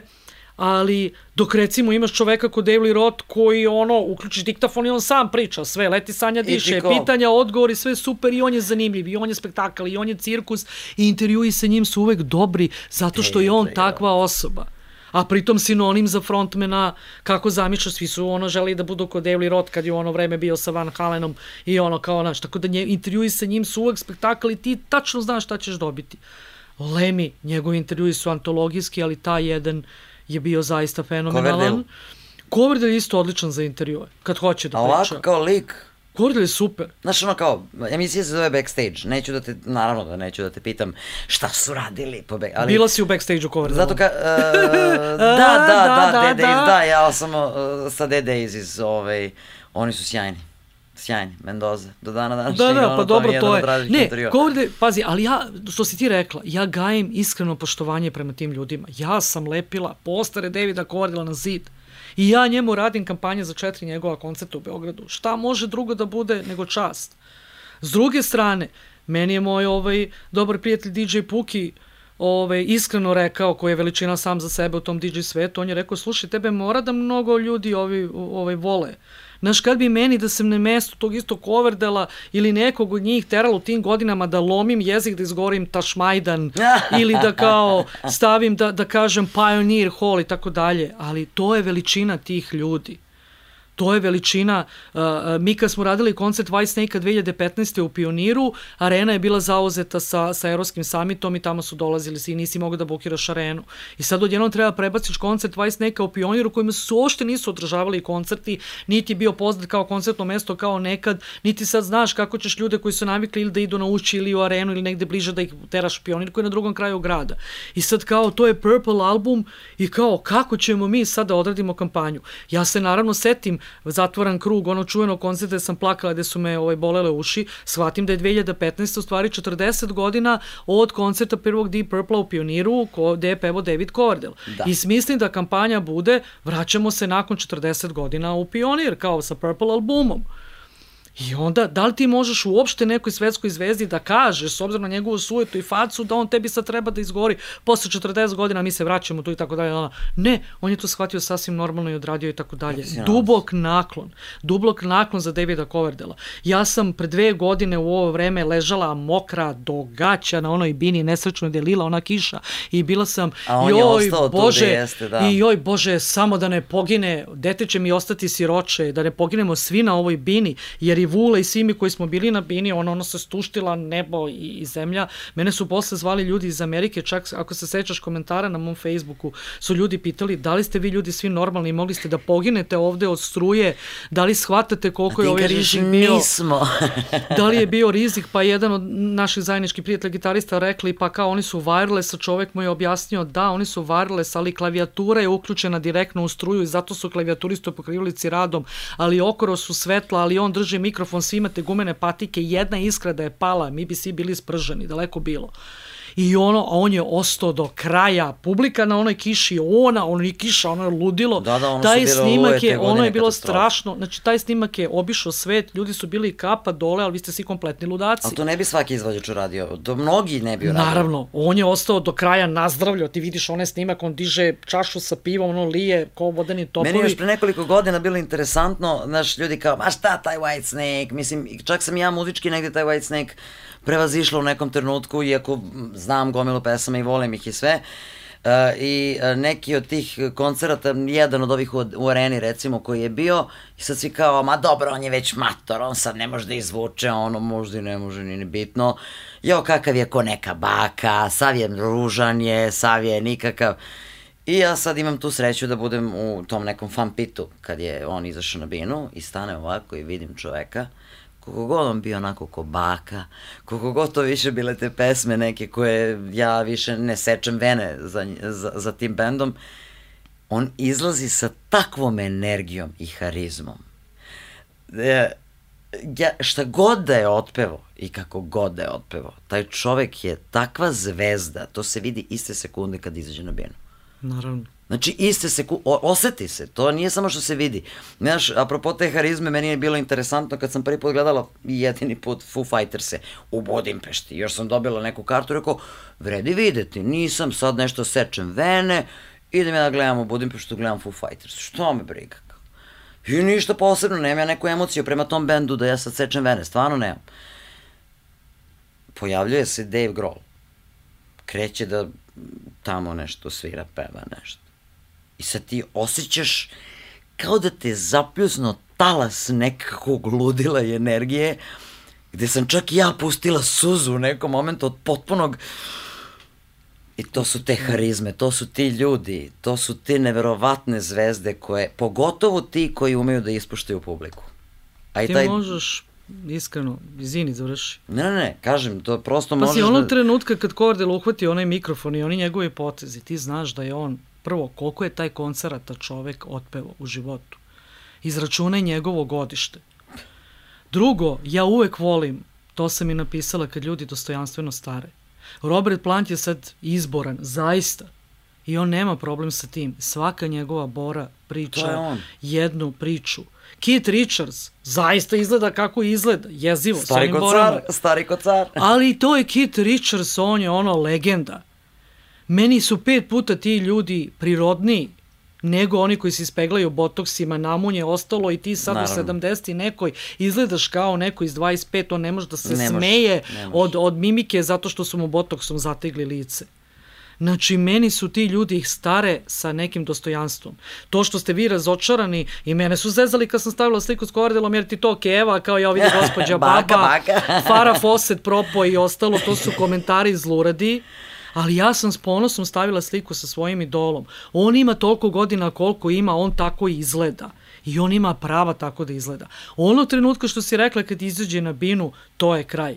Ti možeš da imaš tehnički pet puta savršenijeg pevača od njega, koji može da izvuče tonove koje nikad u životu neće. I da bude i lepši i mlađi. I da bude i lepši i mlađi, a da nema karizmu. Da. Harizma je ono što mi zovemo kao X faktor. Harizma je ono što, što, što ti vidiš kod čoveka što ne može da se plati. Što čitav niz ono ljudi u muzičkoj industriji ne može na silu da izgura. Imaš ljude i na našoj sceni koji su boga oca para dali da ih vrte i ostalo i ništa nisu uradili jer je publika prepoznala da su fake. A imaš ljude koji su dobili bukvalno na prvu loptu ljude. I onda ja sam to znala na sreću moju da prepoznam kod nekih bendova. I zato sam radila intervju kad su bili mali, zašto sam znala da će ili biti najbolji bend na svetu ili će propasti. Nema sardine. Ti to vidiš od prvog dana kad je taj neko izašao na binu. Uh mhm. -huh. I to je ono po čemu se ljudi razlikuju. Zato imaš nekoga ko je frontman ili ko je zvezda, imaš i nekoga ko je samo pevač. Da ne vređem tvoju struku. Znači imaš ljude koji su u fazonu ili imaš ono kao svira što smo pričali, a Hamerinzi arpeđa la la la ludila, zna da odsvira ako što je rekao Ingvi da je da ono što je Hendrix osvirao za života, on je osvirao za jedan minut. Super. Samo Izađe, ti za jedan minut. Super, respekt. Ali ja ću uvek pre da slušam ne, ne, respekt za njega. Izađe Gary Moore na Still Got the Blues turneji, pričala sam ti jedan ton duboki naklon. Ja i dan danas znam da kad Slash zasvira, ja znam da je to Slash. Ja znam ton Gary'a Mura, ja znam ton Jamesa Hetfielda. To je poenta, to je ono što te, što te uh, razlikuje od drugih. Te tehnikalije, da ta sad mi ulazimo, da li si ti koljilja izvukla visoko, tebi je Bog dao takav glas i ti ja imamo te duboke glasove. Ne možeš da izvučeš to nešto visoko, visoko i čao, ali to na kraju dana nije bitno. Nismo mi ovde kritičari koji analiziraju da li ti znaš da pevaš visoko C, jesi te operska pevačica i ne. Ne, mi smo ovde fanovi. Mi smo publika. I nama je samo bitno, bar meni na kraju dana, kakvu si ti poruku ili Coverdale ili, ili Dave Grohl ili Lemmy meni sa Sabine poslao. Da li smo se mi opet prepoznali kao na intervjuima u toj energiji? Ako smo se prepoznali, to će biti najbolji osjećaj na svetu. Ako se nismo prepoznali, džabati tiraži, skupi menadžment i lepota, mogućnost da izvučeš visoko C, scenografija da umreš, kada na kraju dana ti meni nisi dodirnuo srce. To nije to, to je fake. I publika to prepoznaje. Yes. I zato su neke zvezde zvezde, a neki nikad neće biti zvezde makoliko se trudili makoliko para davali, najbolji producente da dovedu, ne znam koliko je buma da je ono, da glume ludilo. Nema prijatelju na tebi se vidi iz aviona da si fake. Publika to prepozna. Niko bolje ne prepozna od te publike. Neki ne prepoznaju. Jeste, taš. Ali, zato i mi živimo za te trenutke. Samo da ne budemo fake. To je najbitnije od svega. Ko što čime god da se bavimo. Pa ja se slažem. I uh, hoću da kažem, sad mi je pala na pamet jedna stvar. Kad god uh, su pred svirke se desi gomela gluposti, svirke su odlične kad god se pred intervjue kao nama u poslednjih 24 sata desi toliko gluposti, Uh, ja mislim da smo uspeli da isteramo tu, tu varijantu da, ovaj, da, da smo se našli u ovom intervju i da smo se lepo ispričali. Ja mislim da jes, jesmo, ali kako je gledalcima najbila im u koži. Ako je, nama, ako je nama dobro i njima ima da ne, bude ne, dobro, ne, a mislim ne, da ne, jest. Ne, pa dobro, pazi, ako pričamo, a pričamo, nisam gledala više u sat, stvarno više od dva da. sata, to je pakao, treba to izdržati, neka spreme grickalice i ove pića pre, pre ovog intervjua koga bude zanimalo. Uh, Valjda smo imali šta da kažemo ovih dva yes. sata. I mislim I da bismo je... imali još, ali ajde da, da, da ostavimo to možda za neki drugi put. Nije problem. Mislim, e, hvala Bogu, prepoznali smo se i hvala ti što si me pozvala u ovaj podcast i čisto sam htela da, da odam priznanje Uh, svima vama koji ste krenuli ovaj podcast, znači Rodoljubo Stojanoviću, tebi, Koči koji radi sa vama. Kočo, ne ljuti se što te zovem Kočo, ali to sam navikla. Zovem se tako. Svi zovu tako. Ovaj, iz prostog razloga jer je ovo bilo nama svima potrebno. Ovaj podcast je nama bio potreban u nedostatku medija, u nedostatku nečeg normalnog što možeš da pročitaš u vreme kada, kada rock and roll je odavno već proteran sa ovih prostora u vreme korone kada smo zaista proživjeli pakao i kad je najveći udar ikada na entertainment i muzičku industriju, a pogotovo na ljude koji žive od ovog posla i tako dalje, vi ste krenuli ovaj podcast. I hvala vam što ste svetlo na, na kraju tunela, hvala vam što ovo radite, i nastavite samo sa, sa zanimljivim, dobrim ljudima. Ja zaista, zaista sa velikom, ovaj, velikom ljubavlju i pažnjom odgledam svaki tvoj podcast. Jer znam, jer znam ovaj, da, da, da će ljudi to imati šta da kažu. Bilo od horror bišketa do čuture, do Brajana Rašića, do Olge, uh, prosto opasna si malo. Savladala si talenat, savladala si talenat ovaj, da, da ljudima mala, uđeš ali pod najče mi je kad kažem mala. mala. Si, ti si mala. Da, uh, Jadranka Janković je pre nekoliko dana uh, izjavila da imam 31 godinu i za to sam joj zahvalna i zato sam ovako dobra prema njoj. Šalim se. Kad ti rekla kad si se ti rodila, šta sam ja, dobro, nisam ja toliko starija od tebe, ali ovaj, već sam divljala po koncertima. Jesi za mene mala u pozitivnom smislu, jer ovaj, da ne davimo sad više, hoćemo li doći do kraja, pitaju se gledalci, čovjek je mlad onoliko koliko je mlad u glavi. Yes. Ti si za mene jedna vesela devojčica. Bogu hvala što nisi uplela kikice i donala zvečku što si pretila na Facebooku. da hoću. A rekla si da hoćeš, ali ovaj, nastavi, nastavi da gajiš to dete u sebi. Jer ako izgubimo to dete u nama, previše ljuštura oko nas i previše matorih ljudi. Imaš ljude koji su mladi, a starci su u duši. To su najtužnije scene koje ja vidim. Yes. Valjda je yes. Bog nama ludima i muzičarima dao i već ljudima on poslu da negujemo to dete u sebi da smo uvek gladni, da uvek hoćemo da se igramo, da nam je uvek malo, da bi stalno budemo s drugarima, da sta, e to je S drugarima, pa to je to. Pa to je, slično se sličnom radu, je tu je bilo tako, to, ja, ja negujem to dete u sebi, ja priznajem. Ja sam užasnuta što je to dete zatvoreno u ovoj ljušturi, sad jene matore debele žene, ali nemam opciju. Imam godina koliko... Prekine. Ne, ne, ne, imam godina koliko imam i to je to. Jer ja u svojoj glavi i dalje, mislim, ti si u svojoj glavi i dalje mlad. Yes. To je ludilo. Ali to dete negujemo u sebi zato što na kraju dana to dete mene Jeste. iščupa Isto kao što ti kažeš meni, da ti mene vidiš kao osobu od 30 godina, tako ja tebe vidim kao Jadranku Janković od nekih 30 i nešto o, godina. da, koja ćemo sad završimo intervju sa ja tebi serdare, najiskrenije, ali to nema veze sa izgledom, opet nema veze sa izgledom. Eh, Hvala ti na tome što i dalje se m, a, razmišljaš na taj način, hvala ti na tome što si nam učinila da dođeš ovde i hvala ti na novim divnim rečima. Uh, ovo je meni lično bio jedan od najboljih ovaj, podcasta, baš zbog te neke priče, iskrenosti jedne velike Jadranke Janković. Hvala, izvini što sam se rasplakala i tebi i, gledalcima, ali baš, baš je bio emotivan trenutak za mene i nisam se kontrolisala. A sa druge strane, nemoj da misliš da te neću pozvati ako ovaj, ne budem zadovoljna nekim podcastom. Tako da, samo te gledam.